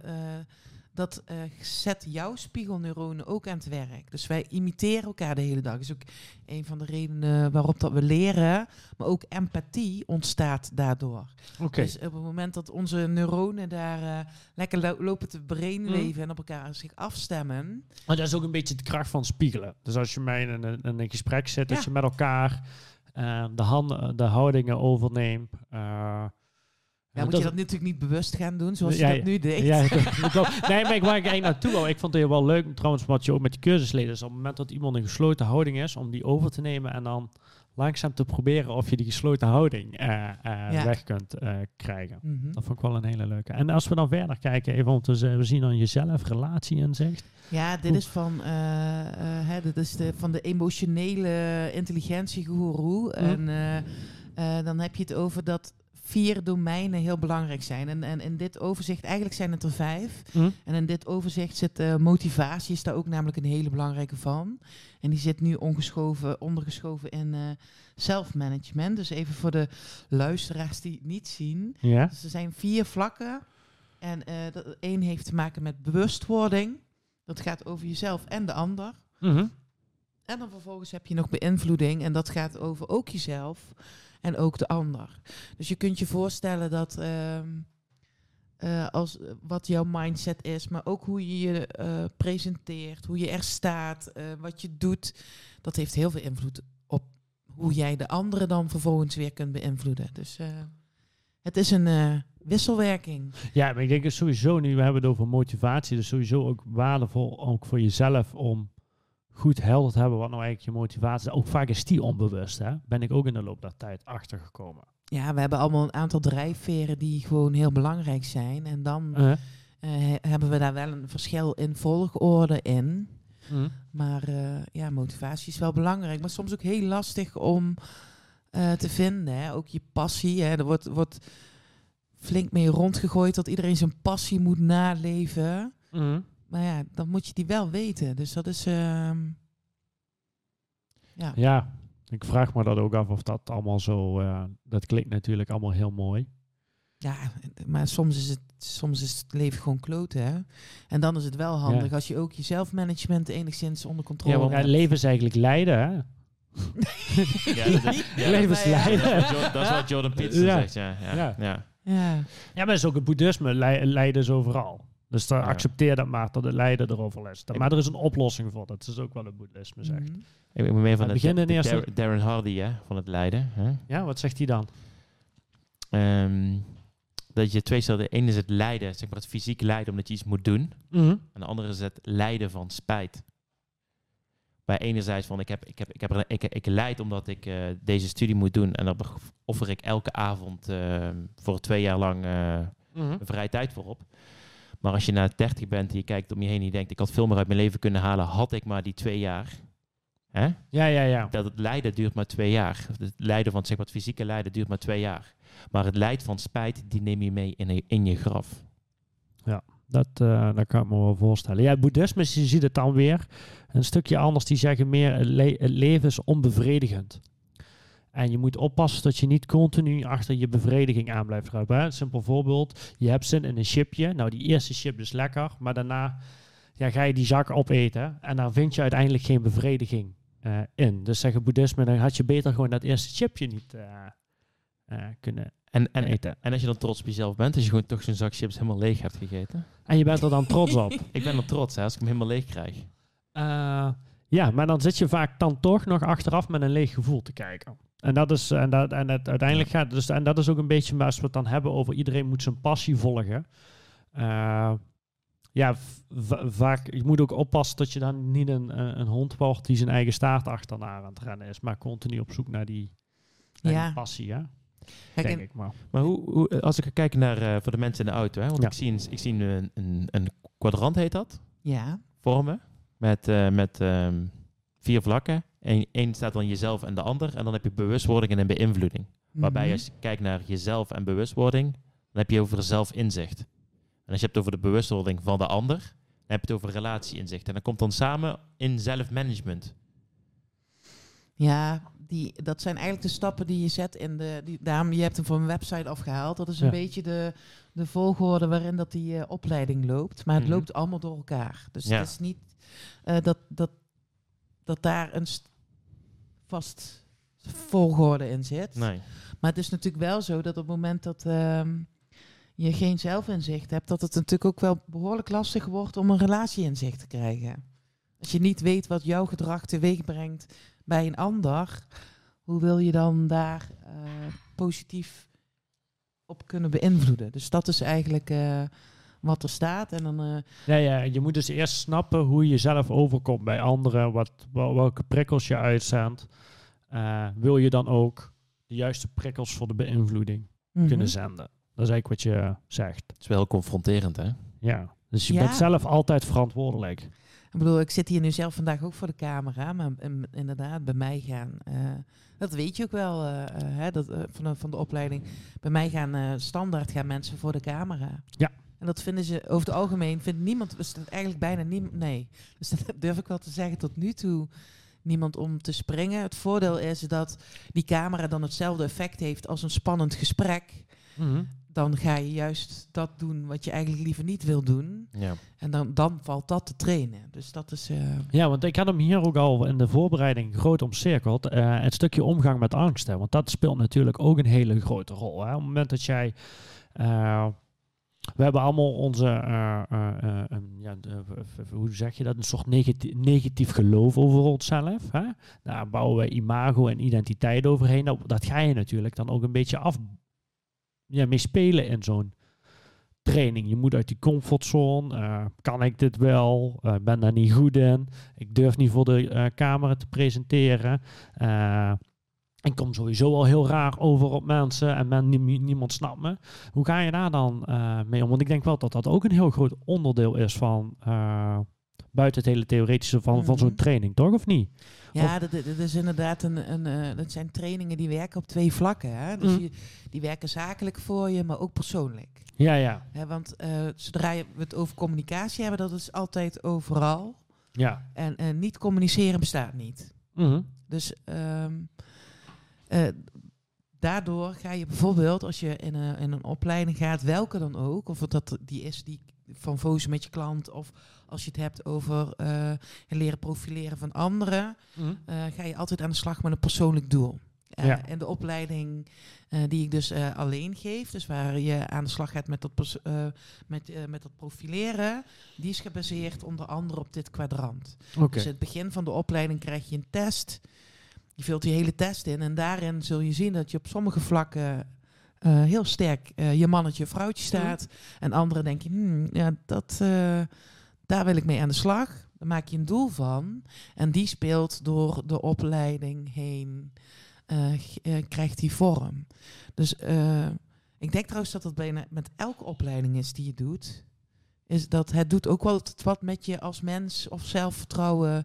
Al is het omdat je je zekerder voelt, omdat je meer kennis hebt, of je hebt inzichten gekregen, of er zijn overtuigingen. Hè? Overtuigingen zijn vaak een probleem, zijn misschien gaandeweg veranderd. eh. Ja, maar wat ik meer bedoel is zeg maar op het moment dat je, als je dit soort trainingen doet en je moet het gaan toepassen in de praktijk, dan moet je vaak ook over bepaalde angsten heen stappen. Kijk, op het moment dat ik eh, een finance training doe, een opleiding, Mhm. en ik moet een jaarrekening gaan eh, optellen, ja, de- je, je zult daar niet snel angstig voor zijn Oh, om zo, een paar ja. getalletjes op te, te tellen, zeg maar. Dit, dit raakt iets vaak ook eh, iets heel persoonlijk. Iets in, in hoe dat je je eigen identiteit en hoe jij jezelf, eh, jouw imago, hoe, de- hoe je dat voor jezelf hebt opgebouwd, is dat natuurlijk heel confronterend. Op het moment dat je heel duidelijk met de neus op de feiten wordt gedragen, ja Bob, jij komt op deze manier. oh, zo, eh, ja, Kom jij op mij over en jij zou dat eh, moeten aanpassen. Of het is verstandig, dan krijg ik, eh, hè, krijg ik misschien weer in eerste instantie is de automatische reflex een stukje weerstand. Hé, wat, moet Anke nou eigenlijk wel niet? En ik ben helemaal niet zo, je wel. En dan moet ik vervolgens, moet ik dat dan, heb ik dat dan geleerd. En dan moet ik dat dan ook weer durven. Moet ik weer iemand in de grote boze buitenwereld gaan zoeken om het, eh, om het dan ook nog eens te gaan toepassen. Mhm. Nou, is het bij, misschien bij sommigen die praten heel gemakkelijk of die leggen heel makkelijk contact, is dat dan misschien nog niet dus zo'n probleem. Maar voor mensen die dat eigenlijk heel lastig vinden, is dat, is dat dan misschien ook wel weer echt een angst waar ze overheen moeten. ja, dat is per persoon eh, verschillend. Stappen. Ja. Ja, zeker. Het voordeel is natuurlijk dat het op camera te zien is. Dus je kunt heel, ehm, eh, eh, zeker als je, ehm, als het gaat om uitstraling, werk ik gewoon heel vaak echt met lichaamstaal. Omdat het heel feitelijk is. Dus op het moment dat, hè, dat weet je ook wel, je hebt bij mij voor de camera gestaan. Is dan ga je heel feitelijk kijken, ik zie dit en dat Hm. betekent dat. Dus dan, dan, omdat je dan zeg maar van jezelf vanuit een derde positie bekijkt, is het lang niet zo confronterend dan als, je, als ik je gewoon zou zeggen wat ik zie. Ja, Want je gaat samen meekijken van hé, hey, maar dit gebeurt er, dit is wat ik doe. En dat betekent dat.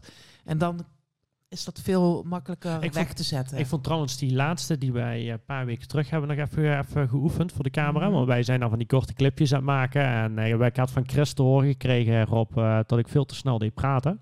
Dus ik was naar Anke toe gegaan. En wat ik daar wel heel erg fijn vond, is, want we- wij hadden geen geluid. Weet je nog? De geluid Mhm, deed je niet. ja. En toen keken we hem terug zonder geluid. Dat, dat vond ik eigenlijk een super fijne. Gewoon bijvoorbeeld lichaamstaal. Eh, want dan zie je echt heel duidelijk terug, zonder afleiding, wat je nou eigenlijk qua lichaamstaal aan het uitstralen bent. Hè, Ja. Met de handjes en erin wrijven en Ja. eh, ja, het zenuwachtige. Nou, dat, dat vond ik wel heel, eh, ja, dat vond ik echt heel van toegevoegde waarde. Om dat te doen. En ook de tips en tricks die dan geleerd worden. eh buikademhalingen, lager praten. Nee, dat... eh, nee, Ja, volgens mij ging de tweede al een stuk beter erop. Hebben we niks meer van Chris gehoord, of wel? Ik- Chris vond het beter. Beter, hij was nog niet tevreden. Nee. Oké, nou dan moeten we daar nog even eh, nog een verder. afspraak maken. Ja, moeten we daar verder mee aan de slag blijven gaan. Eh, Wil je dat ik naar de volgende slide ga? ja, dat is prima. Of heb jij nog iets toe te voegen op dit eh, verhaal? Nee. Nee, nee, ik heb, nee, ik heb niks toe te voegen. Maar ik was ook niet bij de cursus van, eh, van jullie. Hè? Voor, de, voor de camera. Ik weet wel dat ik vroeger bij de... Heb ik ook een keer een opleiding gehad. En dan probeerden ze je altijd een beetje... eh, voor de camera juist onderuit te halen. Moest ik het podium oplopen en dan zeiden ze alles wordt opgenomen. Er waren dan 20, 30 man deden die cursus. Moest ik het podium op. En dan zei ik, oké, begin maar. En begon je en dan zei hij half, na een half minuut van... ehm, hij, hij staat niet aan, begin maar opnieuw. En dan mocht je weer het podium af en dan eh, liep je weer erop. En dan eh zei hij, ja nou opnieuw, maar dan mag je niet meer met dat accent praten, want dat is debiel. En dan moest je weer het podium af en die zat je gewoon neer te halen. En op een gegeven moment heb je zoiets van, ja, ik, ik geef er helemaal niks meer om wat jij denkt. Dan wordt dat een beetje zoals je vijand, hè. En dan sta je daar eh, zonder dat je je druk maakt over wat anderen van je denken. Want je denkt, hij, hij keurt het toch wel weer af. En dan word je ineens, valt er dan zo'n last van je af. En dan, dan wordt het ineens beter. En werkte dat voor iedereen? Nee, tuurlijk niet. ja. ja. Misschien had ik dat nodig, hè. Maar Ja. nee, maar dat, dat, is, dat was... Dat Maar dat was kijk, dan best wel een sadist, die kerel dan. Of was dat echt een rol? die- Of genoot, genoot hij ervan, van zijn rol? Ja, ik weet niet, ik weet niet of hij ervan een genoot, maar dat was, dat was een beetje van... ehm dat was ook voor de, van de accountants, van de jongere accountants eh, beroepsorganisatie. Hm? En eh, ja, die vonden dat we zo'n training moesten kunnen doen, het presenteren. Oké. Ja, presenteren Anyway. is wel... Ja. Ja. is natuurlijk wel echt eh, belangrijk als ondernemer. Hoe je Ja. jezelf presenteert. Ja. Ja. Ja, ja, zeker. Dat, Ja. eh, dat, is, dat is cruciaal. Even, ik, ik ga naar de... Want je kunt nog zo'n goed product hebben als je niet ver- kunt verkopen of je kunt niet overbrengen, dan stranden het toch heel snel. Daar hebben we genoeg voorbeelden van. Mhm, zeker. Dus, eh, En dan... de ijsberg. Mac, Mac, McClelland? De ijsberg van Mac, McClelland. McClelland.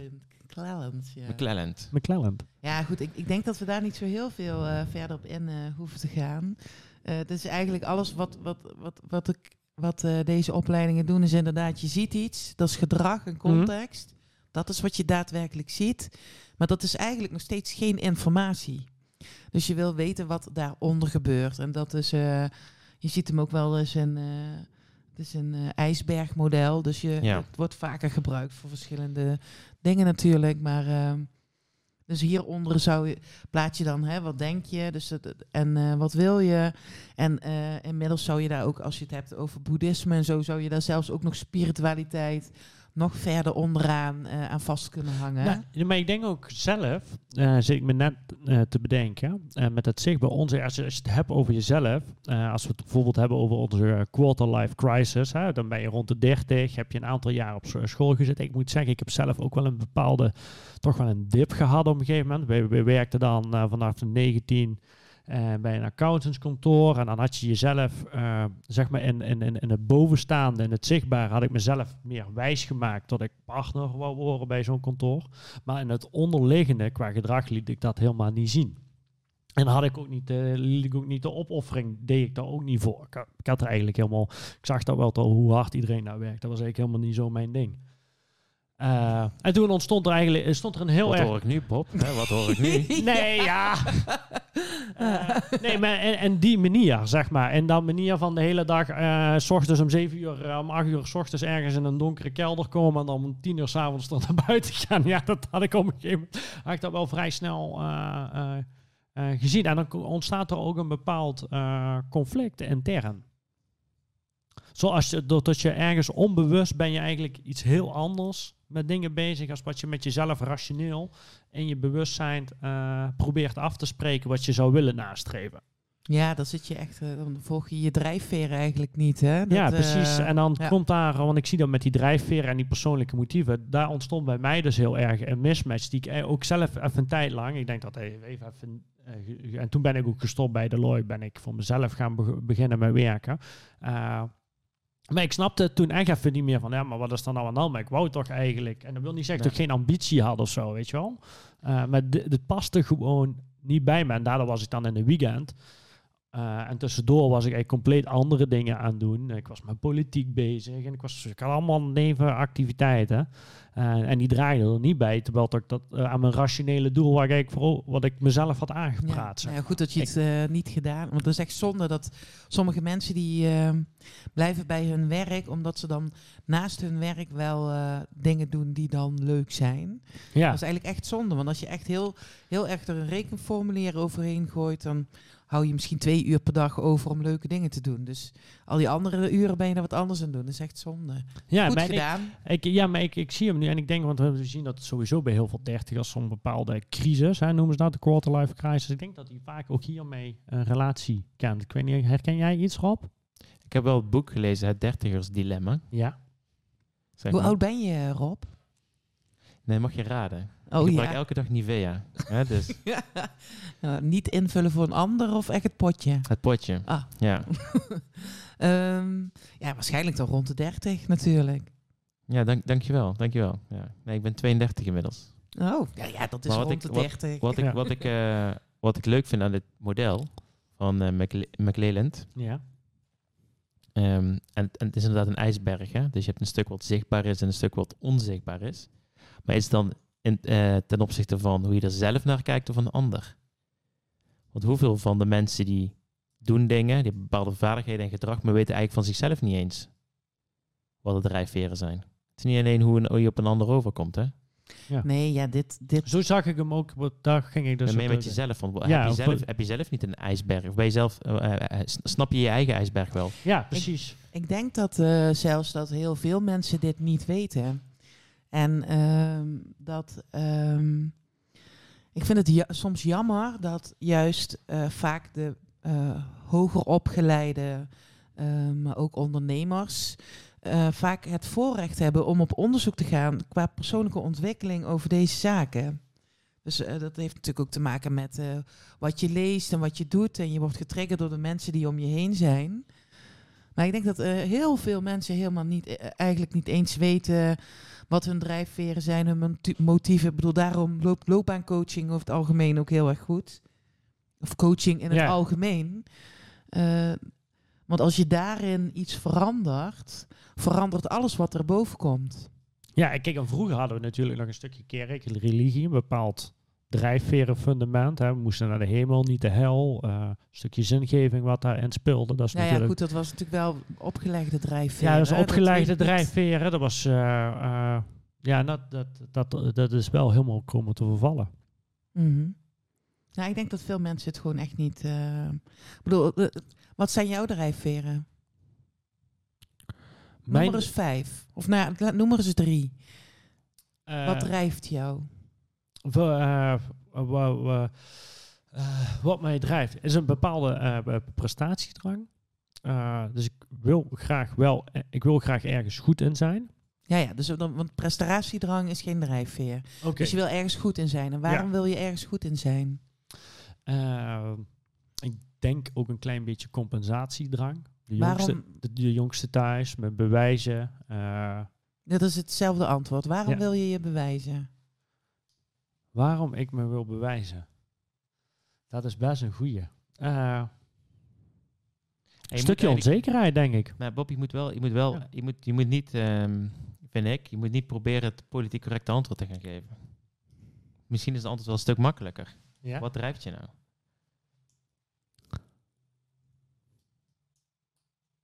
Wat mij drijft. Eh, Dat is best wel... Uh, gesloten houding. Het is een moeilijke vraag. Ja.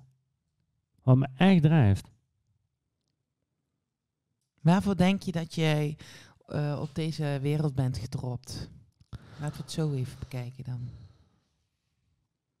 Als je straks doodgaat, wat was dan je taak hier op aarde? Ja, dat vind ik een hele lastige vraag. Dus ik moet eerlijk zeggen, dat is, eh, het laatste jaar is dat ook iets waar ik heel erg eh, zoekende in ben. Van wat is het nou precies echt wat mij drijft? In, in dat opzicht. Hè? Dus wat is nou mijn taak hier eh, op aarde? Is die er überhaupt? Of rennen we gewoon een beetje doelloos met elkaar Ook rond? of, beetje, denk ik. Hè? Ook, ja, ook, maar, dat is, maar dat is wel een hele, dat is wel echt een vraag waar ik heel vaak over nadenk. Eh, En je drijfveren kunnen natuurlijk ook veranderen. Hè? Kijk, Ja. eh, wij zitten, jullie zitten in een andere levensfase dan ik zit, bijvoorbeeld. ja, Dus, dat, dat, dus het kan ook wel veranderen. Maar over het algemeen zijn er een aantal eh, drijfveren die helemaal boven in je systeem zitten. En die zijpelen door privé, in je werk. En, en het is ook dat als je die integreert in wat je doet, dan ervaar je ook veel meer flow. Dus dan zit je meer in de flow van de dingen die je doet. Om- Omdat dat past bij je drijfveren. Mhm. Hoe zit dat met jou, Rob? Wat is jouw drijfveer? Kijk, het makkelijke voor mij, Bob, is dat ik niet op de camera sta. Dus Ja. jij kreeg echt net de volle lading van ons ja, ja, ja. Weet je? Dus Dus, ik- dat ik, ik kreeg er ook even een beetje een shock van. Ik denk, oh shit. ja. Ja, dat klopt. En, en dat, is, dat, is, dat, is, dat is wel pijnlijk natuurlijk. Ik heb de camera, pijnlijk, de camera staat erop. Uh-huh. De micro- microfoons staan aan. Ja, En ik heb ook niet even teruggeswitcht eh, om jou een break te geven. ja. Nee, weet je, ik, ik sta er allemaal wat stuk simpeler in. Er zijn bepaalde dingen die ik gewoon prima accepteer dat ik ze niet weet. Dus ik heb dan het omgekeerde Kluger-effect. Wat was het nou? Ja. Een Kluger-effect? ja. Ik, ik, ik ben prima geaccepteerd dat ik sommige dingen niet snap. En dat is, dat is verder prima. Maar mijn drijfveer, nou laten we eerst... Ja, ik, ik zit loop tien jaar in... Je zegt dat je drijfveren ver, zouden kunnen veranderen. Hè? Ja, dat kan. Ja. Maar, maar ik, ik loop al twaalf jaar rond in de finance. Weet je, dus je wordt denk ik ook wel, je drijfveer ook wel beïnvloed door de mensen om je heen en wat het gedrag is van de mensen. En, en, en ik denk als je ergens twaalf jaar rondloopt, dan hoor je er misschien ook wel thuis. Weet je, Ja, anders hou je dat is- niet vol, is denk ik. Maar voor mij is de eerste drijfveer is gewoon financiële onafhankelijkheid. Ik wil, ik wil af van de ellende van het geen geld hebben. Of het gezeik dat oh, als ik, nou, ik, en ik voel me ook continu, of ik voel me continu, dat moet ik niet zeggen. Ik merk dat als ik onafhankelijk ben ten opzichte van een ander, dat ik vrijer kan eh, opereren en dat ik daardoor gelukkiger ben. Dus ik wil zorgen dat ik, ik wil streven naar, on- naar de ultieme vorm van vrijheid. En daarbij hoort financiële onafhankelijkheid. Ja. Dat, ongeacht wat ik doe. Dus dat is één. En ik vind dat ook een, en dat staat ook in mijn blog. Hè, dat is ook een legitiem doel. Ik, in deze maatschappij wordt nu slaan we. Ik snap dat geld niet het enige is. Maar we gaan slaan ook door naar dat het dat we, dat we het bagatelliseren. En ik denk dat er heel veel ellende in Nederland wordt veroorzaakt. Twee kanten op. Door het gebrek aan geld of het teveel aan geld, zeg maar. Maar het is wel fijn om gewoon financieel onafhankelijk. Gewoon geen hypotheek meer op dit appartementje. Een pot geld erlangs dat ik... Als dat, als dat gewoon rendeert met 1 of 2 procent rendement is niet al te goed. Dan gewoon mijn vaste lasten kan betalen. Dat is de eerste, in ieder geval financieel mijn drijfveer. En bij mij, ik zit er nu even terug over na te denken, ook een beetje terug, is het toch een stukje nalatenschap. Dus ik heb al een hele erge drijfveer om eh, over 15, 20 jaar te kunnen zeggen, oh, dit heb ik opgebouwd. Is wat ik heb gedaan. Dus zit dan, hem een beetje in. eh, bij jou zit, Zit het hem in de, in de sta of in de vrijheid. De drijfveer Vrijheid, vrijheid. Is, vrijheid is echt heel erg fijn. Maar daarom raakt die avondklok mij ook zo erg. Hè? Ja, Ja, De- precies. het- het- ja. De perceptie dat iemand bepaalt wanneer ik naar buiten een rondje gaat lopen, dat, dat, dat krenkt me. Hoewel Mhm. ik heel erg gelukkig ben met een oké eh, appartement, denk ik. Genoeg ruimte. Hè? Een balkonnetje was fijn geweest, hoewel misschien niet praktisch op 23 hoog, maar toch. waait hard dan, hè? Ehm, alleen ik heb geen kinderen thuis. Dus stel je voor dat je een avondklok hebt en de kinderen zijn nog, ook nog thuis. Dan, word je, dan, dan heb je geen rust meer. Basisscholen dicht. Dus ik, je, hoeft, je moet niet Gewoon klagen. hopen dat hoe ze hoe is het bij jou thuis? lezen. Sorry? Hoe bij Red je mij nog? is? Red je nog? Ehm, ja, het, het, het lullige is natuurlijk dat ik... eh, dat- en, en het is eigenlijk wel heel ouderwets, maar ik ben dan een vrouw. En ik Hm. zit thuis met de kinderen. Ehm, en dat is soms wel eh, eh, lastig, ja. Want zij... eh, ik heb twee kinderen van elf en ehm acht. Hm? Dus die hebben echt nog wel hulp nodig. Ik heb er eentje die, die laten we zeggen, veel energie heeft. Dus dat... Oké. Maar ik red het wel. Kijk, uiteindelijk denk ik dan ook weer... ehm, eh, ik geloof niet in het... in het ehm, ik voel me wel soms echt een loedermoeder. Laten we duidelijk Loedermoeder. zijn. Ja. Dat, eh, dat, ik, eh, dat ik ze dan maar aan een film zet om zelf werk gedaan te krijgen. Ja, ja, ja. Of eh, de, te veel iPad en allemaal die, Hm. dat gedoe in deze tijd. Dus ik wil zeker niet zeggen dat ik dit heel perfect allemaal netjes doe. Huh? Maar goed, we slaan ons zo heen. eh, eh, we mopperen op elkaar en we lachen met elkaar. En ik denk dat dat gewoon een heel realistisch, gezond eh, gezin is in deze tijd. En wat, wat, wat is dan jouw eh, drijfveer? Ja, mijn drijfveer zitten we een beetje hetzelfde. Ik zit ook echt op vrijheid. Vrijheid. Ja, vrijheid en eh, het willen maken van een verschil. Dus er zit het misschien ook nalatenschap. Huh? Het is maar net hoe je het bekijkt. Maar ik vind vrijheid, ja, vind ik echt. En verbinding is ook voor mij echt een drijfveer. Oké. Dus en dat zie je ook terug in mijn bedrijf, maar dat zie je ook terug in eh, hoe wij met mensen omgaan. eh, hoe de, de, ja, kijk, uiteindelijk, je kiest ook een financiële sector, niet alleen omdat je dat wat lijkt, maar dat, daar, als je erover na gaat denken, zit er ook ergens een drijfveer onder. Anders Hm. had je misschien nu eh, in de zorg gewerkt. eh Hm. Is maar net hè, welke drijfveren daaronder Maar zitten. die van mij Maar, is bij de nalatenschap staan dan toch is pre- eh, prestatiegerecht. nalatenschap zit ook een beetje op status, ja. Status. En het is ja. overigens, eh, eh, vanuit het brein heb je een aantal drijfveren hoor. Dat is eh, status, heeft Mhm. iedereen. Hè. Waarom zou je anders een dikke auto rijden? ja. Trots. Dat heeft ja, maar niet... dat boeit me eigenlijk niet. ja, dat boeit dat- me echt totaal. Nou, dat trots. Ja, maar heeft ook met status te maken. Ja, Oh, dat kan ook, valt kan ook. onder status. Ja, kan ook. Onder status valt, Ja. vallen dan weer eh, zo'n stuk of eh, 40 containerbegrippen. Dus daar zouden we dan weer over kunnen hebben. Ja. Maar, eh, en dan heb je autonomie. Ja? Daar zit ook die vrijheid onder. Eh, je veiligheid natuurlijk.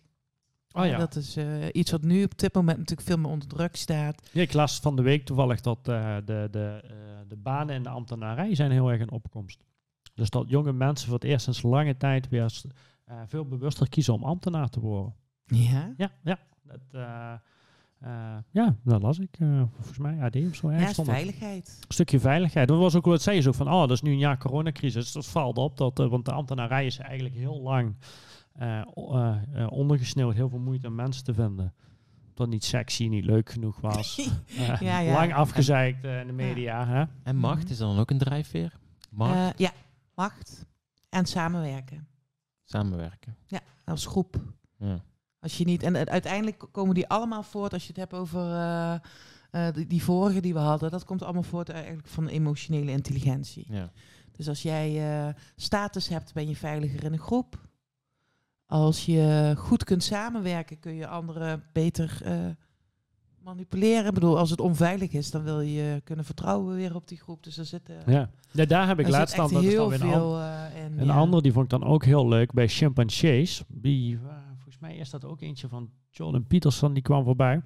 Dat chimpansees, daar zagen ze dan ook twee soorten leiders. De ene die samen kon werken en de autoritaire leider. En die autoritaire leider werd eigenlijk altijd vermoord door de groep op een gegeven moment. Ja, leuk is dat. Ja. Dat is zakelijk eigenlijk Op, het- hetzelfde. op het hè? moment dat hij niet meer de sterkste is, wordt hij gelijk afgemaakt. Ja, wordt hij gelijk afgemaakt. Zodra dat hij even eh, zwak is, dan eh, was het klaar. het was, ook, het was ook alles is relatief. Want Ja. die groep, als jij zeg maar een niet-autoritaire chimpansee had, als het een chimp, ik weet niet welke Ja. taal was, Ja. een aapje. Ja, ja, dan heb je. Dat, dat, dat, dat sowieso, als je niet bij die groep hoorde, waren elke leider er zo dat, dat die andere werd afgemaakt. En dan niet op een manier dat hij snel stierf, maar gewoon dat, dat hij zichtbaar leed voor de tegenstander. Ja, Oh. dat is echt luguber was ja, het ja, dan, hè? ja, ja, ja. Ja. En, en als je dus een autoritaire leider was, was dat ook jouw einde. Want op een gegeven moment de nummer twee, die was dan sterk en die werd dan de nummer één. En die pakte je dan Met, zeg maar terug. Hetzelfde Ja. zie je ook in de mensen. Kijk naar die dictators. Die gaan uiteindelijk gaan ze allemaal eh, Ja, door de straten. maar zelfs worden ze gewoon in het de Gaddafi's en de. Daarom gaat Assad ook zover. Anders gaat weet, die weet gewoon, ik word de volgende Gaddafi als ik even mijn bewaking loslaat. Ja, maar je ziet het in, eh, in, eh, in, eh, gewoon in het bedrijfsleven natuurlijk ook. Daar heb je, of eh, onderwijs waar ik vandaan kom, Mhm. daar heb je echt verschillende leiderschapsstijlen. En je hebt de autoritaire leider, of ja. zelfs de autoritaire docent, of Mhm. de autoritaire teamleider. Of, en vaak over het algemeen luisteren mensen wel naar wat ze zeggen. Alleen dat doen ze dan heel kort. Dus op het moment dat diegene uit beeld is, gaan ze wat anders doen. Ik, ik hoorde gisteren van een, ehm, Waar was dat ook alweer? Oh ja, gisteren hadden we de opleiding Fozen met je klant. Ja. Toevallig online eh, in deze, deze periode. En toen vertelde ook een van de deelnemers over dat ze vaker nog bij bedrijven kwam. Waar dan vooraan bij de voordeur een parkeerplaats staat met een parkeerplek voor de directeur. Ja, Dat zijn natuurlijk ook van die dingen die als je gaat kijken naar hiërarchie en eh, autoriteit. eh, dat vind ik dan wel interessant. Ik zou graag met die man willen praten hoe, hoe die dan ook zijn eh, mensen leidt. Ja, ik moet zeggen, als accountant vond ik, er viel me dat, dat soort dingen ook altijd op. Ook als je dan zeg maar ergens een bedrijf, ik kan nog één bedrijf heel goed herinneren. Was ik nog assistent accountant, ik was geen accountant, hè, moet ik dan altijd even op, eh, duidelijk bij zeggen. Eh, dan kwam je binnen en dat was eigenlijk een vrij klein bedrijf. En had je, had je, kwam je eerst aan en dan had een grote hek. En dan moest je eerst eh, dat hek door. Dan kwam je bij de voordeur en dan moest je dan weer aanbellen. En hopen dat de secretaresse er was, want die zat er dan ook niet altijd. En dat, was, dat werkte echt niet zo. Er was ge- ge- geen, eh, werkte geen duizend mensen. Nou, dan vervolgens kreeg je daar een bezoekerspas. Dat was ook, wel super uniek voor een bedrijf van die omvang. Eh, en dan werden we in een kamer gezet en dan moest de deur altijd dicht. Dus dan werd meteen vanaf de eerste seconde werd geïnstrueerd, je mag de deur niet open hebben staan, want er mag niemand zijn die hoort wat jullie zeggen. En dat was ook als je daar de administratie op kwam, meteen altijd deur. Dat was, daar er zat zo'n ja, raar, bijzonder negatief gevoel in die club. Dat was, was ongekend, ja. Ja, dat, dat- Ik vertrouwde het ook nooit helemaal wat daar. Maar dat, dat, dat, maar dat, ja, kijk, was, het was heel, heel bijzonder. komt waarschijnlijk ook een beetje nog te- eh, eh, van vroeger, hè, hoe Mhm. dingen vroeger werden gedaan. Ja. Maar eh, ja, als je gaat kijken naar hoe je mensen het meest productief krijgt, is dat gewoon echt niet de manier. Ja, Daar zit hem toch, de, gelukkig krijgen we er steeds meer zicht op dat, eh, dat het veel belangrijker is dat wij met elkaar ons verbinden en van daaruit toffe dingen doen, dan dat ik zeg dat jij iets tofs voor mij moet doen. Dus dat, eh, ja. ja, ja, en dat zegt natuurlijk ook, eh bedoel, wij hebben dan in de accountancy hebben, we hadden we altijd Starreveld, Rob, dat weet, ken je, die ken jij natuurlijk van binnen en van buiten. Uiteraard. Eh ken, ken je de school van Starreveld? Nee. Eh, Misschien dat jij even kort... Ja, eh, ik nee, nee, Nee? nee, eh, dat, eh, dat doe ik meneer Starveld tekort aan. Als ik nu even... Dat is, heel, dat is de accountsopleiding in tien jaar. Ja. ja, oké. oh. maar. Die, die, die, die denkt alleen maar in controles, zeg maar. Dus iedereen moet elkaar continu controle, functiescheiding, inkoop, Ja. verkoop van elkaar weg, eh, voorraad aparte processen. En Ja. eh, iedereen moet eigenlijk een beetje elkaars vijandje zijn. Ja, iedereen heeft zijn verantwoordelijkheden. ja. En jouw verantwoordelijkheid neemt pas af als je. eh, jouw verantwoordelijkheid houdt pas op als jij bewijs hebt dat iemand anders die verantwoordelijkheid heeft overgenomen. Ja. Dus jij bent verantwoordelijk voor de voorraad als je magazijnbeheerder bent. Totdat je een brief in je hand hebt waarin staat: Ik heb deze doos overgenomen, die staat nu bij mij op de vrachtwagen. Ja. En, en dat heeft heel veel voordelen. Het klinkt negatief, maar het is best wel handig dat je zegt: Hey, eh, chauffeur, ja, je hebt eh 20 iPhones voor mij meegenomen. Want als je dat niet doet, dan zegt de chauffeur wel eens: Ik heb er maar 19 meegekregen. Snap je? Ja, ja, ja. Dus het is heel erg belangrijk dat we dat we doen. En, en, en het is ook een soort van professionaliteit inmiddels. Dat je daar ook niet moeilijk over doet. Dus niet van die chauffeur moet niet elke keer als hij een pakbom moet ondertekenen zeggen: vertrouw je me niet. Geloof je me niet op mijn woord. Nee, Mhm. het is juist van: oh, geef die pakbom maar hier. Ik, ik neem deze verantwoordelijkheid van jou over. Ja, Ja, maar dit is wel, het is een uh, Starreveld, wanneer was dat, jaren 60 of zo? Ja, zoiets. Zo, zoiets. En dan zie, je, dan zie je dus wel dat dat nog in die tijdsgeest eh meer. Ook een stukje want als je het heel ver door... Vroeger werd het ook op sommige plaatsen mega ver doorgevoerd. Ja. Eh, dan gaat dan, het- zegt dat ook iets over jezelf als leider. Hè? Als je het Starreveld tot in Ja. detail alles eh, gaat doorvoeren. Nee, dat is dat misschien ook ook wel. Maar als je samen, eh samen er overeenkomt dat dat een goede, goed systeem is om zo min mogelijk fouten te maken, is dat natuurlijk wat anders dan Ja. Dat het. ehm, Ja, je moet dan ook heel erg denken wat je de laatste jaren ook vaker zi- ziet, bijvoorbeeld in het verkeer van eh, met die borden van dankjewel dat je nu eh, eh, niet te hard rijdt. Weet je wel, die positieve boodschap dat dat heel fijn werkt op mensen in plaats van dat negatieve gezichtje. Eh, als je te hard rijdt, dat mensen dan ook de neiging hebben om dan denk Ja. ik wil een Ja. negatief gezichtje, weet je wel. En dan Negatief, negatief zeg je werkt bij mij wel hoor. Dat vind ik echt niet leuk. ja, ik, ik, we- ik, trek op de, ik op de rem. ik ook, ik ook, Ja. ik zeker. Maar ik krijg sowieso eigenlijk Ja. nooit te hard. Nee. Nou ja, belonen werkt sowieso. Ze hebben dat in een eh, ziekenhuis uit. Er was, een, eh, dat was nog voor corona, dus nu Ja. is het nog belangrijker. Voor handen wassen van ziekenpersoneel. Oké. En er stond, stonden overal afbeeldingen van je moet je handen wassen.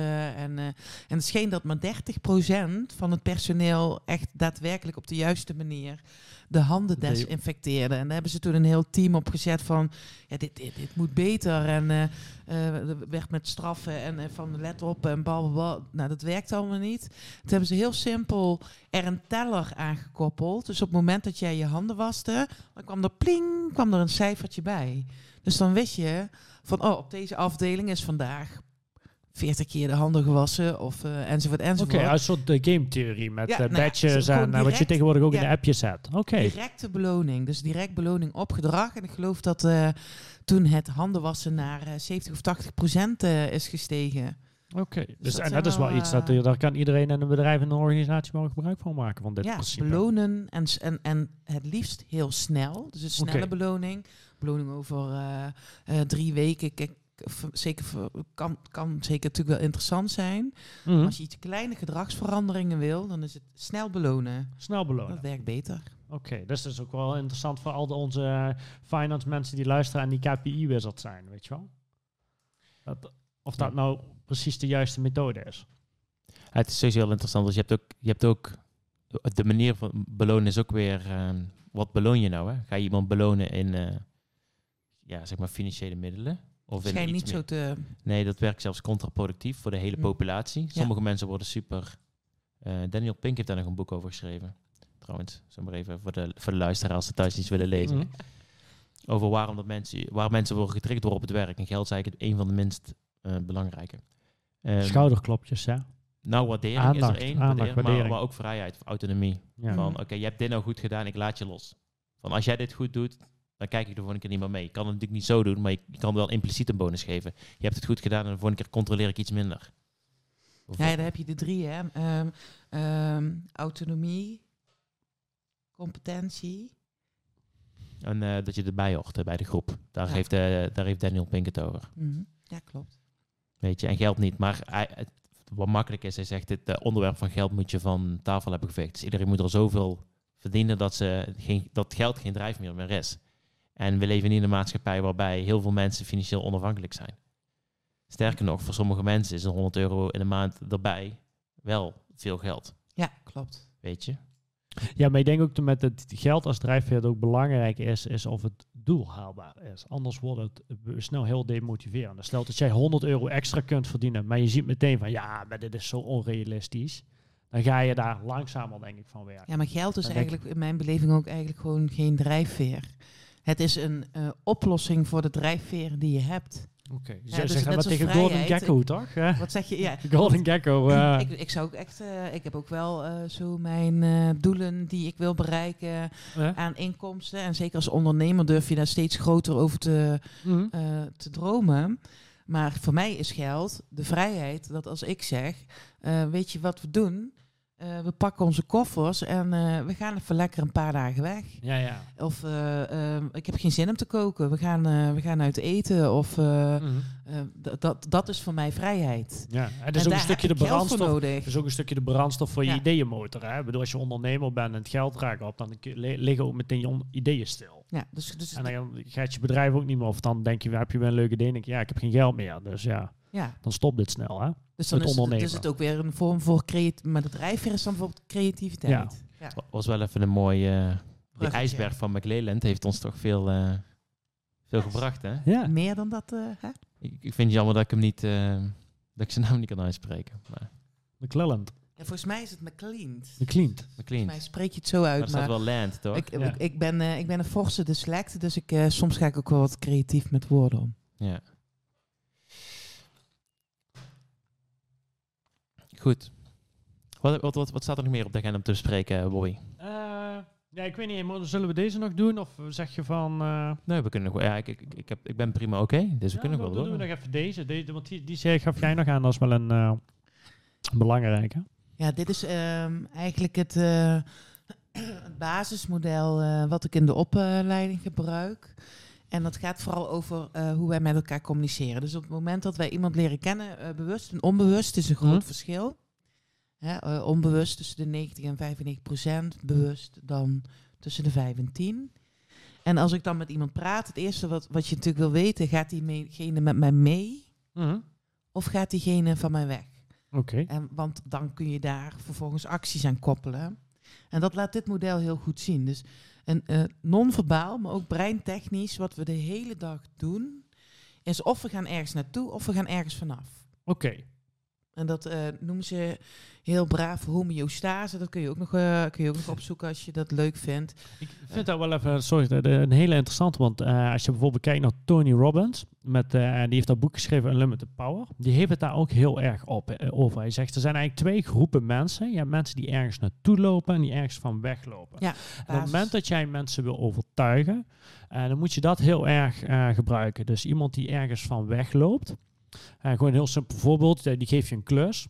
Dan, eh, dan moet je die persoon, pak je vervolgens zijn werk als hij klaar is. En dan ga je hem uitleggen wat hij allemaal fout heeft gedaan. Hè? Want dan ziet hij van, oh, dit zijn al mijn fouten. En dan wil hij daarvan weg, wil, daar wil hij eigenlijk bij wegblijven. In zijn, ja, dan zit je daar in dat afhaken. ja, en zijn, ja. en, en zijn instinct. Maar iemand die daar, daar niet gevoelig op is, die moet je aan de voorkant dingen uitleggen. Dan zeg je, dit is mijn product. Ik wil graag dat jij dit ook zo maakt. Dat was eigenlijk een beetje zijn boodschap en zijn verhaal. Dus net, dus eh, je doet eigenlijk hetzelfde, alleen de een reageert eh, door ergens naartoe te lopen. En de ander reageert juist door er- ergens eh, van weg te lopen, gaf hij aan. Ja, dat is natuurlijk afhankelijk van de context. Ja, Ja. inderdaad. Dat, wat, wat, wat eigenlijk een basis, homeostase, is, dat Hm. noem je dan balans. Kun je het ook noemen.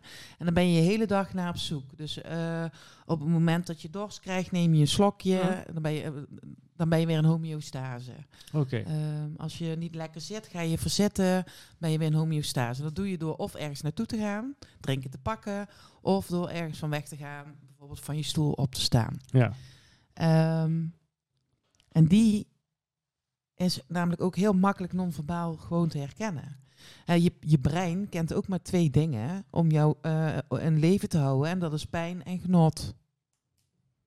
Dus Ja. eigenlijk, eigenlijk is het zo spannend niet. Hè? Ja. De hele opleiding nu al klaar. Maar dat is wel wat we doen. Of we zoeken genot op, of we, zoeken, of, we, of we vermijden pijn. En dat kun je dan op meerdere manieren doen. En dat is dus ergens naartoe of ergens vanaf. Oké.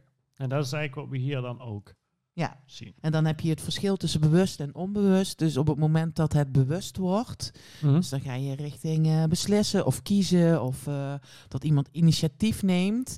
Dus eh volgen doen we allemaal. Dus eh, stel, eh, wij komen vlakbij eh bij Venlo vandaan, dan heb je Hm. de parkfeesten. Ja. En als je dan je muntjes gaat kopen, dan ga je braaf in de rij staan. Tenminste, Ja. de meeste. Ja, ja, ik ook. Ik ben ja, ook. ah, ik ben gewoon heel netjes opgevoed. ah? Mama, je luistert. Dus Ah, nee, dat, ik doe dat niet. ja, op dat moment zijn we heel braaf aan het volgen. Dus Eh? we volgen natuurlijk heel veel. Verkeer ben je eigenlijk alleen maar aan het volgen. Ja, ja. Doe je netjes wat de bordjes staat. Maar wil je dat iemand ehm, staat voor de keuzes die je ma- ze maken. Dus het heeft ook heel veel met kiezen te maken. Dan wil je eigenlijk dat diegene gaat naar eh, eh, beslissen. Of eh, Hm. daarom noem ik hem ook wel eens kiezen. Want als je bewust zegt, ik kies ervoor om jou uit te nodigen voor een podcast dan hou je je daar ook veel meer aan vast.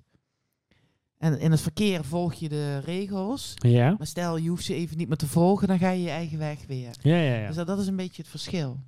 En er zijn allerlei eh, technieken in om natuurlijk iemand te krijgen. En Is, is, kun je dan ook zeggen dat leiders dus, dus bewuster leven? Of dat zouden moeten doen? Een groter bewustzijn nou, ik moeten denk hebben? wel dat ze sowieso ehm, eh, in mijn beleving echt bewuster mogen zijn van eh, de impact die ze hebben op. eh, kijk, hoe hoger jij in de hiërarchie staat, Mhm. hoe meer invloed je hebt op degene onder je. Ja.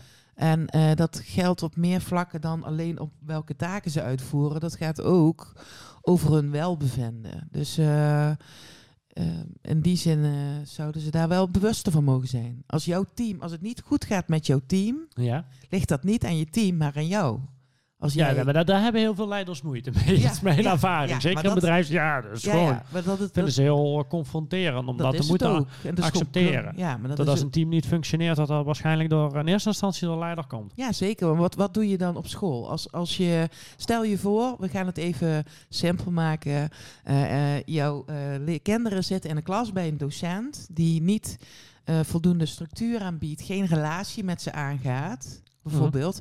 Of eh, ze te moeilijke leerstof geeft of Ja, te ja. makkelijk. Of maakt niks uit. Nou, die hele klas wordt een puinhoop en je komt daar binnen en dat die juffrouw dan daar zit en zegt, ja, ehm, maar het ligt aan de leerlingen. Waarschijnlijk als ouder word je dan kwaad en dan ga je actie ondernemen. En, eh, zodat daar die docent of extra eh, trainingen gaat krijgen. Of dat er een assistent Mhm. bij komt die dat wel kan. Ja, En dan in het bedrijfsleven is dat dan niet zo. Want als je dan dus daarboven ja staat... dan wordt dan va- va- vaak wordt dan zelfs nog een beetje probleem neergelegd bij de, va- in mijn ervaring bij de informele leider. Want vaak is die leider, die functioneert niet. En dan zit er bij zo'n groep zit er een sterke informele leider. Waar de rest dan naartoe gaat. En dan, eh, dan is, is die eigenlijk dan het oorzaak van het probleem. Ja, dat is... eh, Of in ieder geval, ja, dat heb ik vaker gezien. Die wordt dan vaak gezien als... eh, ja, nou ja, ik... ik ehm, eh, Overigens is het sowieso moeilijk op het moment dat één iemand negatief in een groep begint over de leider, is het vaak ook heel moeilijk om dat eh, eh, tegen te houden. Ja, er zijn natuurlijk meerdere processen die daarin meespelen. Maar uiteindelijk eh, heeft het wel heel erg sterk te maken met je verantwoordelijkheid nemen. En ook je team de tools te geven om dat ook zelf te Ja. doen. Ja, ja zo, zo heb ik volgens mij ook wel een keer zo'n beetje gelezen dat volgens mij het gros van de officieren in de Vietnamoorlog die zijn gestorven is eh, friendly fire geweest. Dus dat iemand van de eigen soldaten dacht, ja, nou dan loopt die. ja, ja, ja, ja, ja, ja, dat, eh, of in ieder geval een heel hoog gedeelte, percentage is dat eh, Ja. geweest. Echt schrikbarend. Hmm. Dus we, Hmm. Ja, ja, nu komt erop. Hmm. Heb je hem Heb je gegoogeld? wat opgezocht? Nee, ik kijk niet googelen.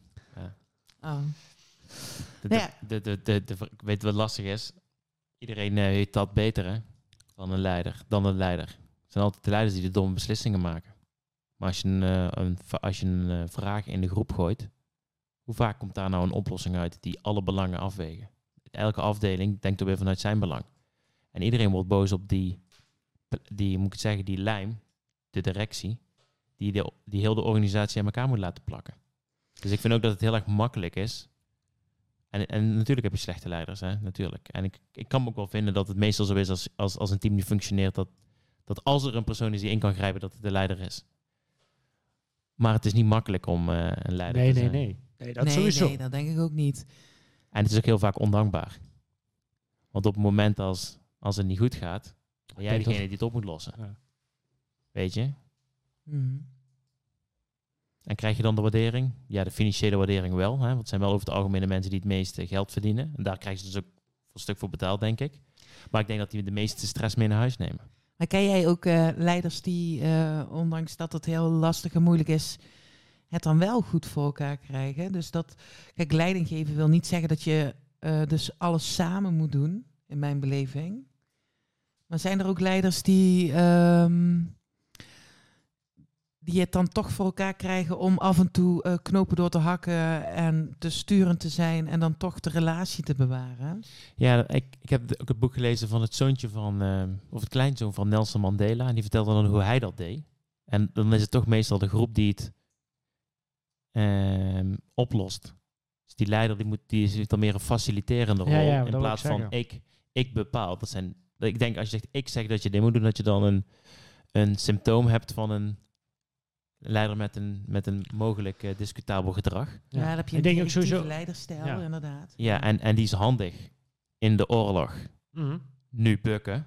Weet je, schept wel Ja. orde. Ja. Ja, ja. Van jongens, wat zullen we doen? We worden beschoten. Ja, mm, ik denk dat we moeten brukken. Nou, ik denk dat we moeten rennen. Nou, doen we even met z'n allen stemmen. doen we wel anoniem. Even helmpjes bij elkaar. Nee, dat, dat, dat gaat niet, ja. ja. weet je. En ik heb ook geleerd... is ik ook, volgens mij, geleerd. Google heeft dat ook, hè, van de, de goede leider, de, eh, eh, slecht leiderschap valt ook vaak in micromanagement. Dus een goede leider moet denk ik ook vaak op zijn handen kunnen blijven zetten, terwijl tot het jeukt. Dat hij gewoon, als ook af en toe denkt, laat het maar ook... eh, één, Eens, eens kijken hoe de groep nou met een bepaalde oplossing komt. Als van, ik, oké, Rob is nu vervelend, dus ik ga naast Rob zitten en dan ga ik kijken hoe Rob zijn werk aan doen is. Terwijl dat Rob waarschijnlijk gewoon een specialisme heeft binnen zo'n team. eh, waar die leider eh, totaal geen overzicht in heeft wat Rob nou precies allemaal 40 uur in de, werk, in de week doet. Daar heb ik sowieso ook vaker gezien. Dan denken ze van, ah, weet je wat... En pakken we Rob als voorbeeld. Zo bijzonder is het niet, maar ze gaan er dan niet vanuit. Ja, Rob heeft ook gewoon, die is, iedere week is die 40 uur iets aan doen. Die is die niks aan doen, zeg maar. En dan, ja, dan raken ze daar een beetje in, eh, Ja, in de denk- weg kwijt. Dan denkt denkt de leider daar heel gemakkelijk over. Dan vallen ze terug in, in, in- in een stukje micromanagement. Eh, en, en ja, dan, gaat het vaak. eh, ga, dan wordt Hm. Rob heel gefrustreerd, want die zegt: Ja, die ik, ik, weet, ik, ik zit hier dit 40 uur te doen. Ik weet toch precies wat ik aan het doen is. Dat, eh, hij heeft het nog nooit gedaan. En heeft dan, Steve Jobs ook een mooie quote over. hè? Ja. It doesn't make sense to hire smart people and tell them what to do. ja. We hire smart people so they can tell us what to do. ja, ja, dat is heel mooi, ja. Ja. Dat is inderdaad een hele goeie. Mhm. Eh, als we dan hier kijken, hè, wa- want eh, met jouw, eh, wat, wat, wat was jouw ei- eigen grootste inzicht met alles wat je geleerd hebt? Dus je bent ons het allemaal aan het trainen en de, de, daar hebben we, we- wat- wat is jouw echte inzicht of jouw grootste inzicht, Anke? Oh, wat een goede vraag. Ja, je hebt voorbereid. Oh, wauw. nou zit ik een keer met mijn mond vol tanden. ja. ja. Gesloten houding. Ja, ja, ja, ja, gesloten houding. Wat mijn grootste inzicht was, is... ehm, ehm, ja. Ik denk wel dat, dat het is dat we denken dat we allemaal zo ontzettend anders zijn, maar dat dat reuze meevalt. Dus dat we echt toch allemaal volgens vaste patroontjes... eh, Ja, dat is dus ehm, in die zin van wij zijn allemaal uniek en we zijn allemaal anders, maar doorgaans toch wel veel met dezelfde behoeftes. Eh, bijvoorbeeld, ehm, ehm, ik kon vroeger nog wel eens tegen mensen eh, opkijken omdat ze dan een, een dikke auto hadden of Mhm. eh, ehm, omdat ze een groot kantorenpand hadden. Dat, dat gaf dan, dat geeft ook status natuurlijk. En dat zijn dingen die heb ik niet meer. Dus het, het, voordeel is op het moment dat je gaat kijken wat er achter, de, achter de, het imago zit. Achter elk imago zit een mens. En ik Ja. denk dat dat wel ehm, ja, het meest. interessant is. Ja, denk het wel. En hoe we daarmee omgaan. Oké, helder. Wat, eh, Rob, jij hebt ook veel van die boeken gelezen, hè? Of jij hebt in ieder geval niet veel van deze boeken gelezen, maar veel boeken over persoonlijke ontwikkeling eh, gelezen. Wat fascineert jou altijd? Als jij eh, de- over dit onderwerp nadenkt, over deze onderwerpen?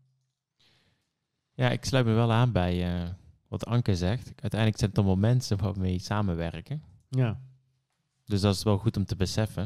Of het nou goed of slecht is, weet je. Dus als, als iemand iets heel erg goed doet, hoef je hem ook niet per se op een, eh, weet dat, op zo'n, eh, waar zet je zo iemand op? Je weet wel.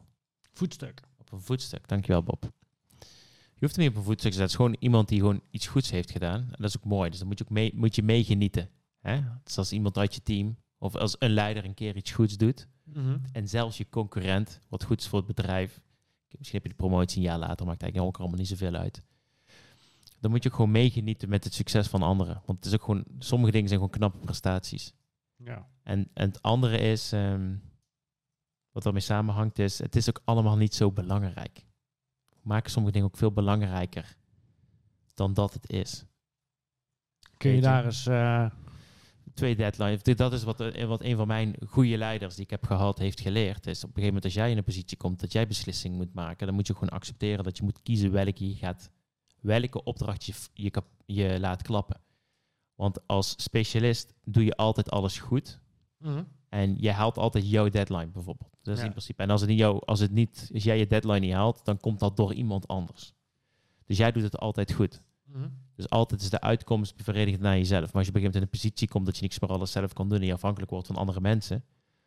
En je hebt maar een beperkt aantal middelen, want we leven in een over het algemeen fantastisch kapitalistisch systeem, Mhm. waarbij middelen schaars zijn, dan moet je af en, af en toe loop je tegen de, tegen de, tegen de, tegen de maximale volume van je fabriek aan. Hè? En dan moet, je, de- dan moet je gaan kijken, wat laat ik klappen?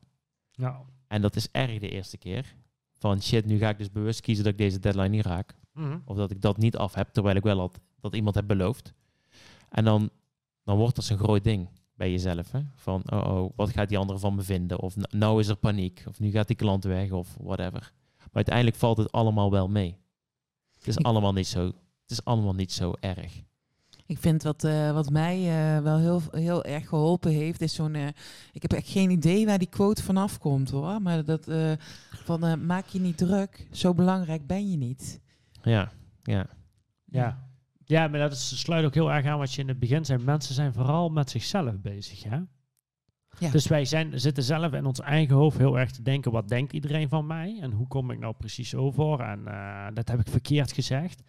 Terwijl dat eh 9 van de 10 gevallen, als iemand een domme, lullige opmerking bent, binnen twee minuten is die ander, eh, die zal weer wat anders aan doen. En die heeft alweer wat belangrijkers aan zijn hoofd. En die interesseert dat eigenlijk helemaal niet zoveel wat... eh, ja, wat, dat wat daar... Ja, mits, mits je natuurlijk niet diegene ergens op zijn tenen trapt. of, ja, ja, zeker. Ja, ja, maar dat is ook een beetje afhankelijk van de autoriteit, hè? Dus eh, we, zijn een beetje onze eigen relaties. Of we zijn eh, de relaties op, ba- op basis van... Of als, als Rob veel autoriteit over, over mij heeft en die zegt iets negatiefs, dan trek ik me dat aan. Dan denk, en dan denk ik ook dat dat een onderdeel is van mijn karakter. Ja, nee, dat hoeft niet hoor. Want dat, ligt er ook heel erg aan in, in, eh, in, in hoeverre dat Rob dan. Wat, wat voor relatie je hebt dan met Rob. Ja, ja, ja, precies. Dan moet, er een sterke dan moet je wel echt tegen hem opkijken. Ja, Ja, ja, ja. iets meer bij komen kijken dan dat hij Ja, de maar als baas dat mag totaal- spelen. Ja, maar als dat eh, totaal ja. niet speelt, ja, dan zal het mij een worst wezen wat, eh, Ja. wat hij zegt. Of Ja, goed, dat is met meer natuurlijk. Dat is met iemand, een vriend ook. Of Ja. een voorbeeld. Ja, precies. Of, eh, ja, zeker. En ik vind ook, ik vind ook eigenlijk, Anke, dat mensen wat meer moeten genieten van de reis. Dat is ook zo'n ja, dooddoener. dat vind ik ook wel. Ja. We zijn alleen maar bezig met eh, het, het doel, wat ook belangrijk is. Hè? Want de reis zonder einde, dat, ja, dat is ook niet eh, wat, je, wat je wil. Hè? En, ik, en ik hoop ook niet dat ik nou in, de, in onze, dat er nou kijkers in de, in de YouTube comments gaan typen. Ik vind de reis naar mijn vakantiebestemming juist erg, hè? in de vliegtuig. Ja, ja. Ja. Zo bedoel ik dat niet, maar we, we, we zijn zo gefocust op het doel en dan maken we ons druk wat zijn de drijfveren van ons. En heb ik wel het goede doel dat je een beetje vergeet dat, dat je met name op weg bent. En heel vaak als je je doel hebt bereikt, dan denk je oké, dit is leuk. En hoe lang geniet je ervan? Drie minuten?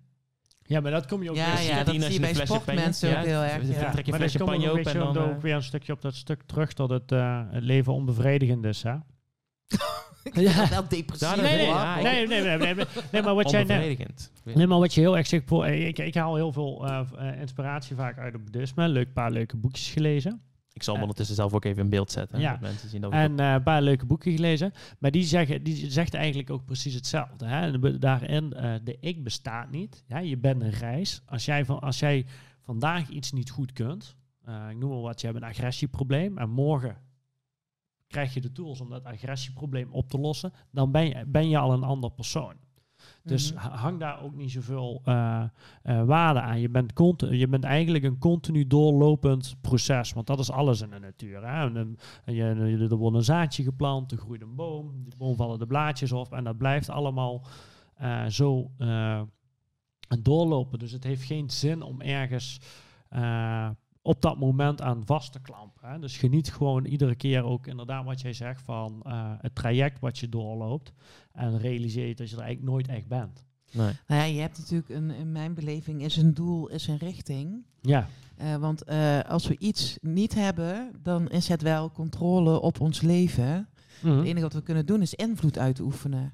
Mhm. Maar stel, je loopt hier de deur uit en eh, je, wordt, eh, je voelt je niet lekker en je wordt eh, opgenomen voor, met leukemie. Ja. Hè, dan waar is je controle? Die is er niet. Die is er niet. Het enige wat je wel hebt is invloed. En dat heeft invloed op hoe je erover de- denkt of hoe je ermee omgaat of welke relaties je rondom je opbouwt. Daar heb Mhm. je invloed op. Ja. Maar uiteindelijk, ehm, Ja, de, de leukste, dat, of, ja. of misschien helemaal niet leuk dat je het zegt, maar dan met de vergelijking met de leukemie. Ik hoorde laatst een podcast van Dan Harris. En die zei altijd, altijd als mij iets ergs overkomt, dan, eh, en ik rijd naar huis en ik zit er mij, dan denk ik me altijd in dat ik die dag ook te horen had kunnen krijgen dat ik een hersentumor had. En dan, ja, maar omdat heel, hij zei om dat heel groot te maken en heel heftig, valt dan op de een of andere manier van al mijn werkleven en alles, die, en die hele ballast valt dan weer van me af en dan kan ik het weer allemaal relativeren. En denk van ja, het interesseert eigenlijk al, allemaal niet zo heel veel. Maar Morgen Nee, weer een zo. dag. Maar eh, over het algemeen, Bob, is het leven toch... Eigenlijk is zeker, zeker als je kijkt het leven wat wij hebben in Nederland... Eigenlijk hebben wij een best wel goed leven, hè? ik Eh, bedoel, of je nou het hebt over lijden. Ik bedoel, ja, natuurlijk heb je elke dag lijden. Ik, je staat 's ochtends op en je wil in je bed blijven liggen. En eh, je moet gezond eten. En je filmt me zin in een, in een McDonald's. Fish of filet. Gaan we die ik, oh, trouwens, eh? Ik kwam vandaag een Belgisch, Belgisch kenteken tegen en die had letterlijk achterop staan Macfish. Dat meen je. Ja, serieus. Bel, Dat er rijdt een Belg rond met het kenteken Macfish. Dat is fan van de Macfish. eh. Oh ja? Als je, als je twijfelt, wat zal ik, wat zal ik pak- bestakken? ja, Macfish. Ja, ik, ik wou nog een Ja. foto knippen, maar ik was al wel laat. Fish dus- of filet, hoor, dat ja, ja. Macfish had hij eh, eh, had hij erop staan. Ja, maar wij zijn inderdaad wel een welgesteld land. Ik weet wel Ja. dat, eh, zeker in die tijd van eh, speciaal onderwijs, dat er toch ook wel heel veel meer leed is die wij niet zien. Omdat ja, wij, zeker. in ieder geval in mijn geval, ik gewoon uit een andere eh, milieu kom. Dus de, de, de, de- waar, waar ik opgroeide, ge- Ja.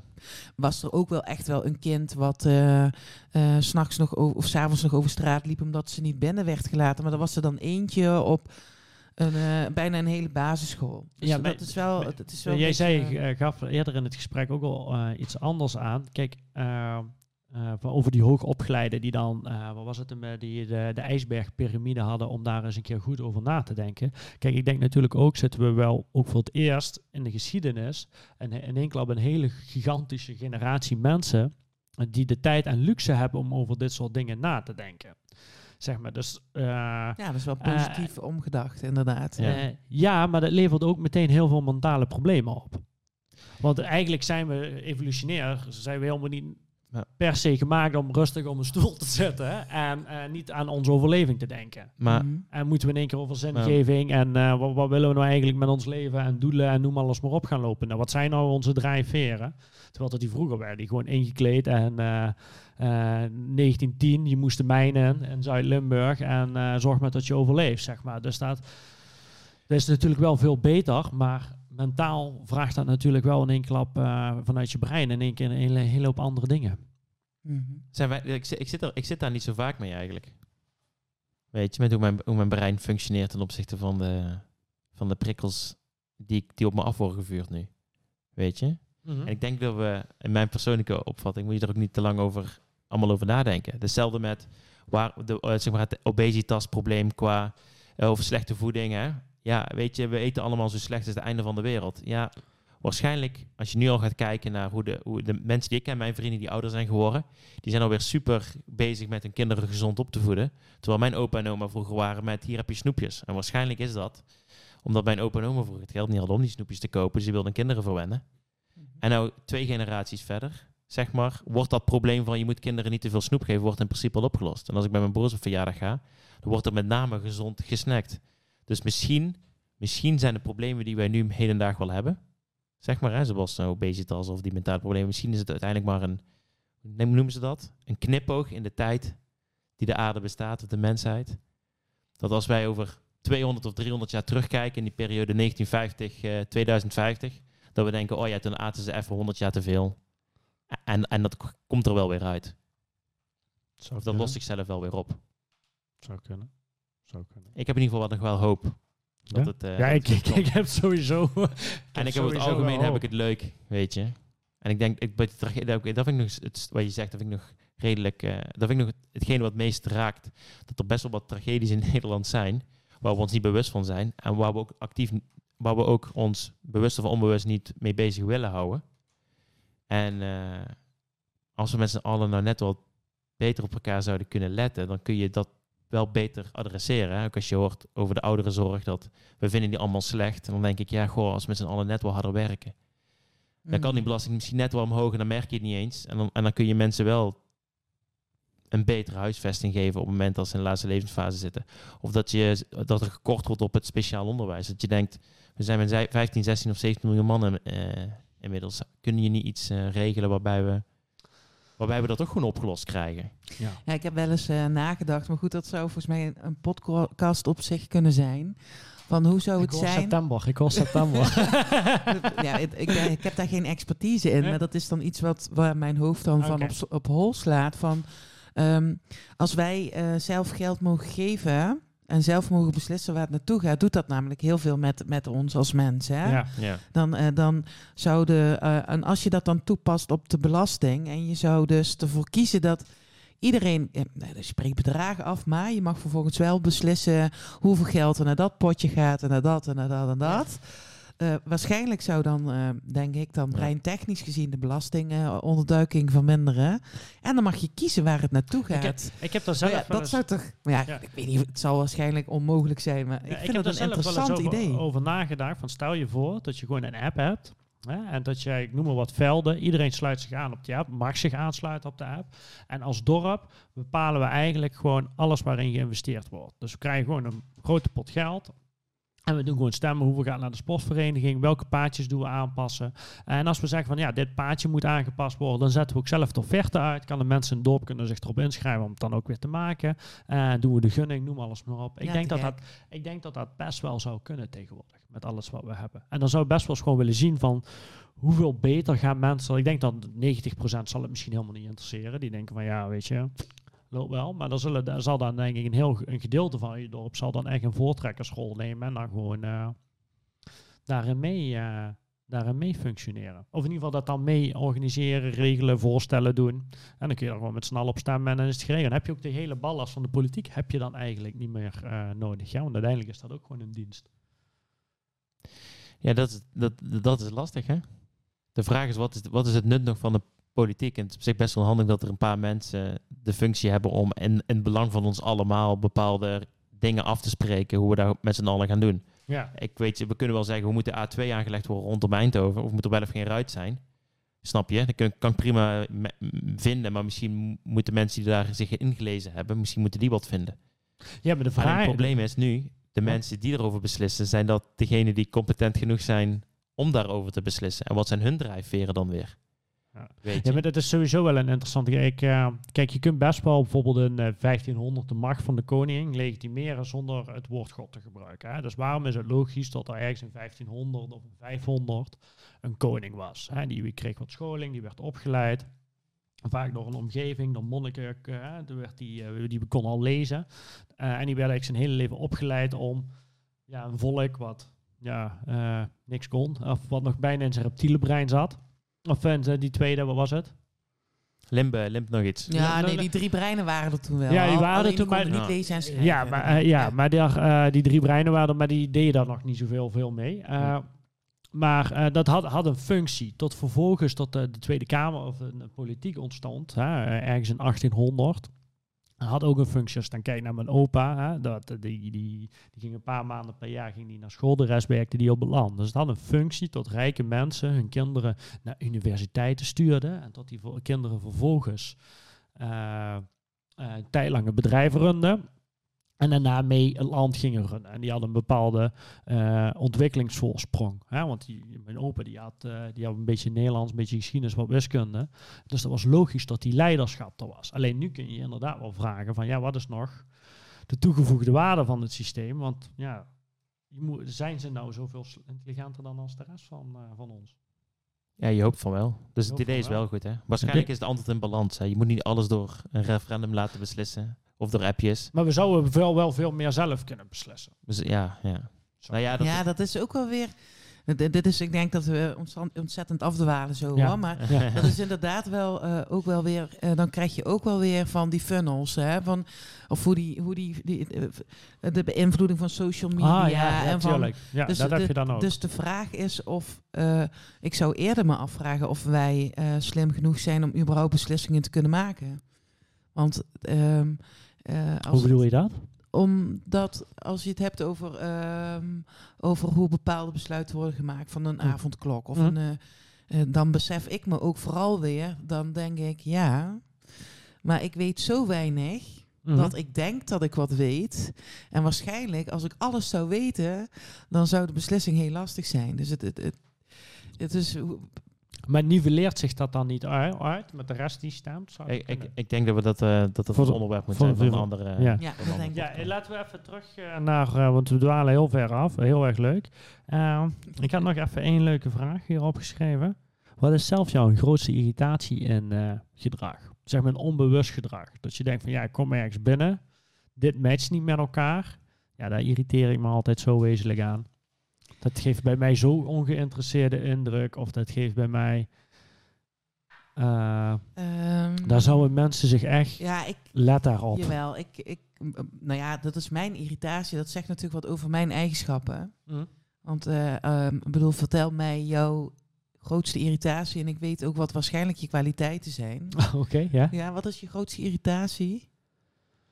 Eh, mijn grootste irritatie. Ja, eh, eh, ja, eigenlijk je stilte, zeg maar. Dus als je afspraak hebt en er wordt niet gepraat. Misschien is dat dan... eh, Oh ja, dus, dus het- ja. En, en wat is dat bij jou, eh, Rob?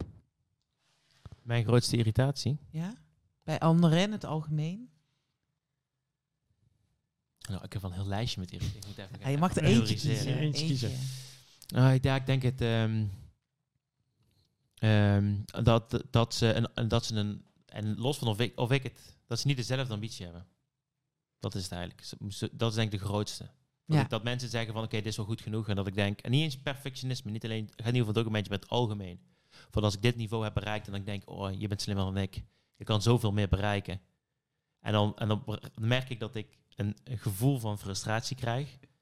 Enerzijds, maar ik vind het ook wel stoer aan anderen als mensen gewoon zeggen... Dit, ik, ik weet dat ik hier content mee ben. Wie ben ik nog om te zeggen tegen hun of ze meer of nog zouden moeten willen. Ja. Ja. Maar ik merk dat als, ik, als mensen zeggen, dit is wel goed genoeg voor mij, dat ik denk, jongen, de wereld ligt aan je voeten. Weet je? Mhm. Ja, kijk, en als je weet, als, dus, dus, dus dat dus zijn er irritaties dan eh, eh, als iemand niet ambitieus genoeg is, zo vat ik hem even samen dan.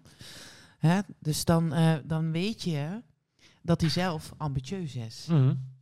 Dus eh, jij houdt niet van stiltes, dus dan weet je dat diegene eh, een kwaliteit heeft en communicatief. Oké. Eh de valkuil is dan ook wel meteen weer dat je misschien te veel praat. Heb ik Hè? nog nooit gehoord. Ja. Dat is, is nog nooit teruggekoppeld. Ja, ja. voor. Herken jij die al? Hmm. Hmm. Ja, bij ambitieus, als iemand te ambitieus is, kan die soms ehm, wat tunnelvisie, een tunnelvisie hebben. Dat die mensen omver loopt, omdat hij dan eh, zo gericht op het doel is. Zou kunnen. En wat is er van jou nou? We hebben een heel tactisch Ja, ja, hè? maar, ja. Nou, ik heb echt een hekel aan, ehm, aan vooroordelen, eigenlijk wel. Dus ehm, aan, ehm, en, en aan, ja, waar ga ik echt stuk op? Ik ga stuk erop als eh, men eh, mij zegt wat ik moet doen. mhm. Oh, dat Maar- vind ik, daar heb ik ook heel veel moeite Ja. mee. Maar, eh, maar ook. Dat is in, denk ik eh, ondernemers ook sowieso een beetje eigen. Hè?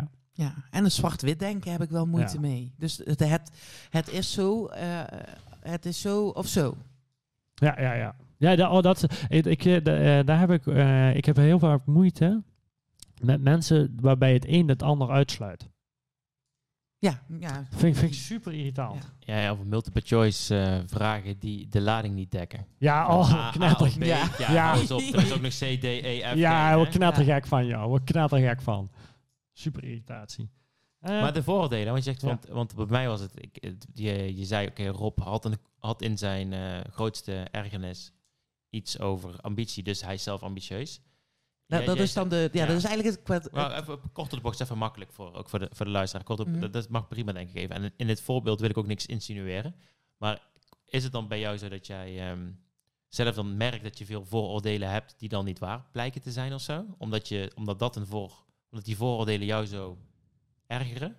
Nee, als je te. eh, zeg maar, als je doorslaat en niet te erg willen oordelen. Dan word je zo'n. eh, eh, dan ga je dingen goed praten. Ja, en dat is eigenlijk wel zo. En dat is wel zo. En dus dan sla Ja. je een andere kant op door. Ja. Dat zijn eigenlijk de, de- sommige mensen kennen het wel. Dat is eigenlijk gewoon het kernkwadrant van Hofman. maar heb je zelf dan last gehad van vooroordelen? Ehm goeie vraag. Goeie vraag. Ehm, nou ja, ik denk wel vroeger als kind zijnde, maar, maar nu... eh, Maar waar dat dan ook echt voor? Of, of zat dat dan ook misschien met onzekerheden? Dat je dacht van ja, mensen denken zo over mij. Of plaatsen mij in dat nee, nee. Ik denk wel dat dat bijvoorbeeld eh, mijn eh, moeder zat in een rolstoel. En als ik met haar naar een winkel ging, dan was ik negen of tien Mhm. jaar oud. En dan werd mij gevraagd wat mijn moeder nodig had. Ondertussen dat zij bijvoorbeeld heel capabel was. Ja. Dus daar zou je inderdaad, is wel een goede vraag, nog niet over nagedacht. Maar daar zou je die wel bijvoorbeeld... Oh, dat ze eigenlijk al... zet het hem ook wel ergens Dat ze in. eigenlijk al, terwijl dat er lichamelijk iets was, al geestelijk eigenlijk Mhm. eh, dat Ja. meepakte. Dus ik, da- daar heb ik, ja, dat vind ik echt vervelend. Als, ja, eh, ik kan me voorstellen. Ja. En, en, ik- en, en oppervlakkigheid hou ik ook niet van.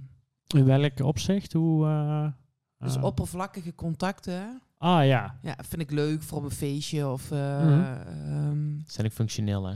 Ja. ja, die functie. De, de functie van is prima. zijn. Ja. Ja. prima. Maar dan daarna, dan, dan haak ik ook af. Als het dan niet iets is wat mij triggert of eh, dat je me inderdaad lastige vragen stelt of eh, me dingen kunt vertellen die ik niet weet, dan eh, ja, dat, Dat is mooi. ja, ik wil altijd meer weten. Dus dat Ja. vind ik wel prettig. Nieuwsgierig. Zullen wij er een eind zo aan breien, Bobby? Eh, ik had nog even één klein eh, vraagje. Eh, als die nog mag. Jij, want Als dat- afsluiting als afsluiting, die is natuurlijk wel heel relevant. Jij doet op dit moment ook cursussen geven voor Teams en Zoom. En de Oh ja. eerste indruk. en ik denk dat dat wel nog even, even Nee, een dat hele relevante Dat is voor, voor nu. En die moeten we niet laten liggen op.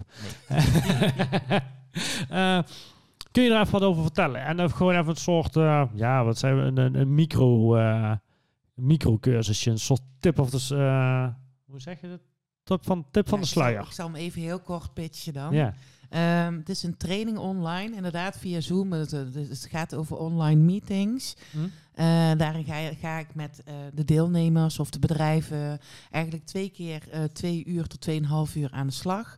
De eerste ronde gaat over jezelf. Dus Hm. wat straal ik uit online? En dan kun je het heel simpel hebben over bijvoorbeeld hoe staat de camera? Ja. Ehm, bijvoorbeeld oogcontact is heel erg belangrijk als je iemand anders positief wil beïnvloeden. En met online is dat een probleem. Je moet Dus- je eigenlijk in de camera kijken. Ja, het verstandig om af en toe in de camera te kijken. Deel in de camera lopen staren is ook creepy. Moet je niet doen. Dus die eerste ronde gaat over presenteren en de tweede gaat over interpreteren. Hè, wat betekent dat dan als iemand dit naast de neus doet? Of als die eh, bijvoorbeeld eh, dit tijdens een discussie is duidelijk Ja? een teken van eh, dat dit is eigenlijk bijna van eh, context, rest van het gezicht. Ik doe die altijd met de middelvinger. Ja, ja, dat is ook wel leuk. Nou, dat is wel leuk, want soms zie je mensen echt dit doen. Ja, ja, ja, klopt. En dat is echt interessant wat Ja. ze dan aan het vertellen zijn. Dat is echt, eh, maar zo krijg je een aantal signalen mee die je kunt gebruiken, toch om de ander wat beter te interpreteren. Mhm. Online moeten we toch maar doen met wat we zien. En dat Ja. is gewoon een stuk minder dan eh, Ja, dat ik, het voorheen was. ik merk zelf altijd bij mezelf dat ik, eh, eh, ik heb sowieso al af en toe moeite met mijn concentratie en er lang bij te blijven. En dat vind ik met online vind ik dat nog, nog lastiger. Om, dan ben ik toch sneller afgeleid. Ja, je, je, het kost veel meer energie Ja, om de ander goed te interpreteren. Ja, kan zomaar zijn, want kijk, alles wat we leren duurt, kost veel energie. Het zou best wel kunnen zijn dat eh, als we dit een hele tijd doen, dat dat ook wel steeds makkelijker wordt qua energie. ja. Je bent ook nieuwe neurale wegen aan het maken, maar, eh, oké. maar dat is het inderdaad. Het is een training van twee keer 2,5 uur ehm, gericht op hoe je jezelf presenteert, maar ook hoe je de ander kunt En, eh, interpreteren. En dat doe je dan in teamverband met een, heel, met een hele groep? eh, ja, teams, maximaal acht in een groep. Maximaal acht. Ja. Oké, dat is gewoon een afdeling die, eh, die even tussendoor even wat anders wil. En daarvoor bij Ja, en ook vooral richting klantcontacten. Ah, ja, dat, je, dat je goed overkomt en dat je weet eh, wat er in de ander leeft. Oké, en als bedrijven dit nu interessant vinden, bij, eh, naar de website, Ja, blik.world. Www.blik.world. Oké, en dan ja, gewoon blik.world. hè. Punt .world, geen, eh, niet Ja, nog, nog ja. iets daarachter, gewoon blik.world. World, dat is de, lichaamstaal is de enige wereldtaal die er is. Dus, eh, Oké, ja, goed gevonden. ja. Anke, ik wil jou... eh, Rob, heb jij nog een eh, vraag, een aanvulling? Nee, nee, nee, ik, nee, ik ben wel benieuwd wat Anke vindt van eh, mensen die zich in dezelfde functie anders kleden thuis voor de webcam dan ze op kantoor zouden lopen. Ja, ja, dat is wel interessant. Want waarom is het oké als ik met een hoodie een meeting vanuit thuis heb, maar is het niet oké als ik met een hoodie naar het kantoor ga? Ja, ik, ik- ik denk ook dat heeft weer te maken met de uitstraling. En ik zou ook niet, als jij thuis, als jij op kantoor altijd in een pak loopt, ook niet adviseren om dan thuis in een hoodie te gaan zitten. Nee? Nee? Ja, jij doet dat heel gedisciplineerd, hè? Ik heb het met vlagen. Ja. Maar, maar dat het, het verschil is dan een jasje aan, stropdas en een blouse en dan misschien een keer een knoopje open, snap je? Maar ik ga niet, ik ga niet, Ja. eh, ik ga niet in, eh, met een t-shirt achter de eh, webcam zitten.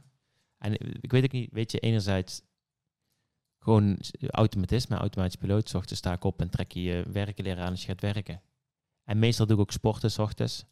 Of daarna, dus ik heb sportkleren aan. En het is daarna ook wel fijn om iets anders aan te hebben dan gewoon een Hm. katoenen t-shirtje. Weet je, dan is het ook gewoon fijn om een blouseje aan te trekken en een, en een broek. In plaats van ja, iets, iets Hoe comfortabels. trek je wel aan?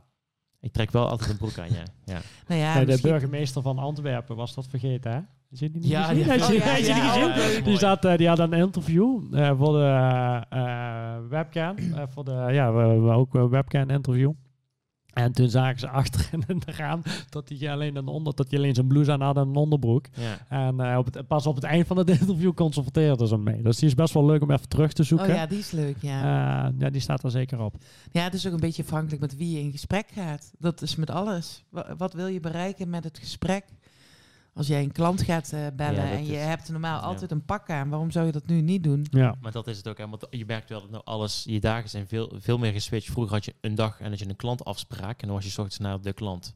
Ja. Mhm.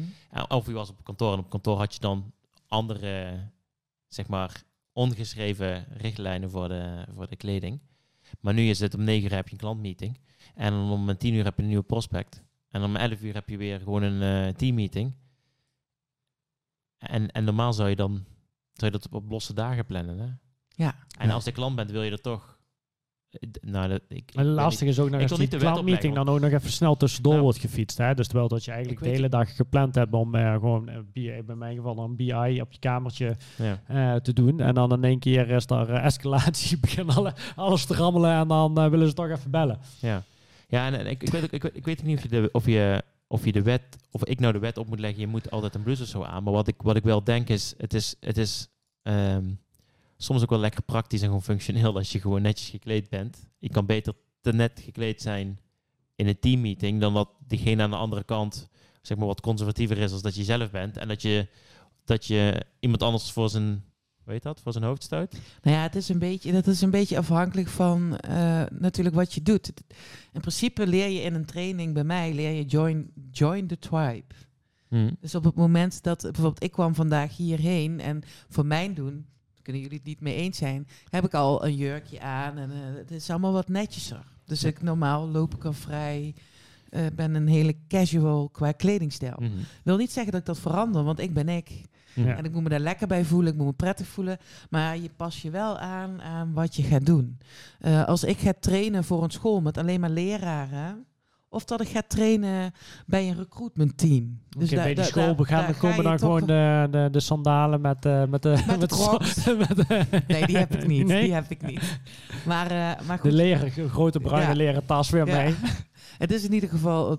dus wat, wat je aankleedt heeft in ieder geval invloed op je Ja. eerste indruk. En op de indruk van de ander hoe serieus je het gesprek met die persoon eh, neemt. Dus als je in een hoodie gaat zitten eh, bij een bepaalde functie... eh, het is hetzelfde als dat, dat ik nu hier mijn telefoon had liggen. Ja. Hè, dat is onbewust, is dat toch een teken van ja, het is leuk dat ik met je mag praten. Maar ergens is er Ja. ook nog iets wat ook mijn aandacht nodig Ja. heeft. Dus het, Ja. Maar goed, daar kunnen we nog wel. Ik denk Een dat, tweede eh, po- podcastje voor vullen. ja, Ja, dat wordt ook niet hoe september. lang we al bezig zijn. S- Maar, eh, september, hè? Ja. Dus eh, ik wil jou bedanken, Anke, ja, graag voor jouw tijd. Eh, ik vond het heel erg leuk. Ik hoop jij ook. Ja. En eh, ja, dankjewel voor dat, jij, oh, dat je ook zo enthousiast was om als eerste gast te komen. Dat vond ik van met name heel, eh, dat vond, vond ik heel fijn en eh, heel aardig. Dankjewel. ja, nee, En heel aardig. Ja, en heel aardig. Ja. Nee, echt heel aardig. Dankjewel, Anke. Ja, En, jullie eh, ook bedankt. Vond het ook wel heel erg leuk. eh, En we hebben nog een klein, eh, klein presentje voor jou eh, meegenomen. Maar dat, doen we even offline. Dat, doen we even kan ik- offline. Dat kan Ja. ik de camera niet meenemen. Ja, precies. Yes. Dus dat doen we even offline. Nee, wordt Ja. gewaardeerd. Het Ja. was een privilege, Anke. Ja. Ja, wederzijds. Erg leuk om, eh, om ook jou beter te leren kennen. Kijk eens aan. Ja. Ja. Goed, merci. Merci. Dankjewel.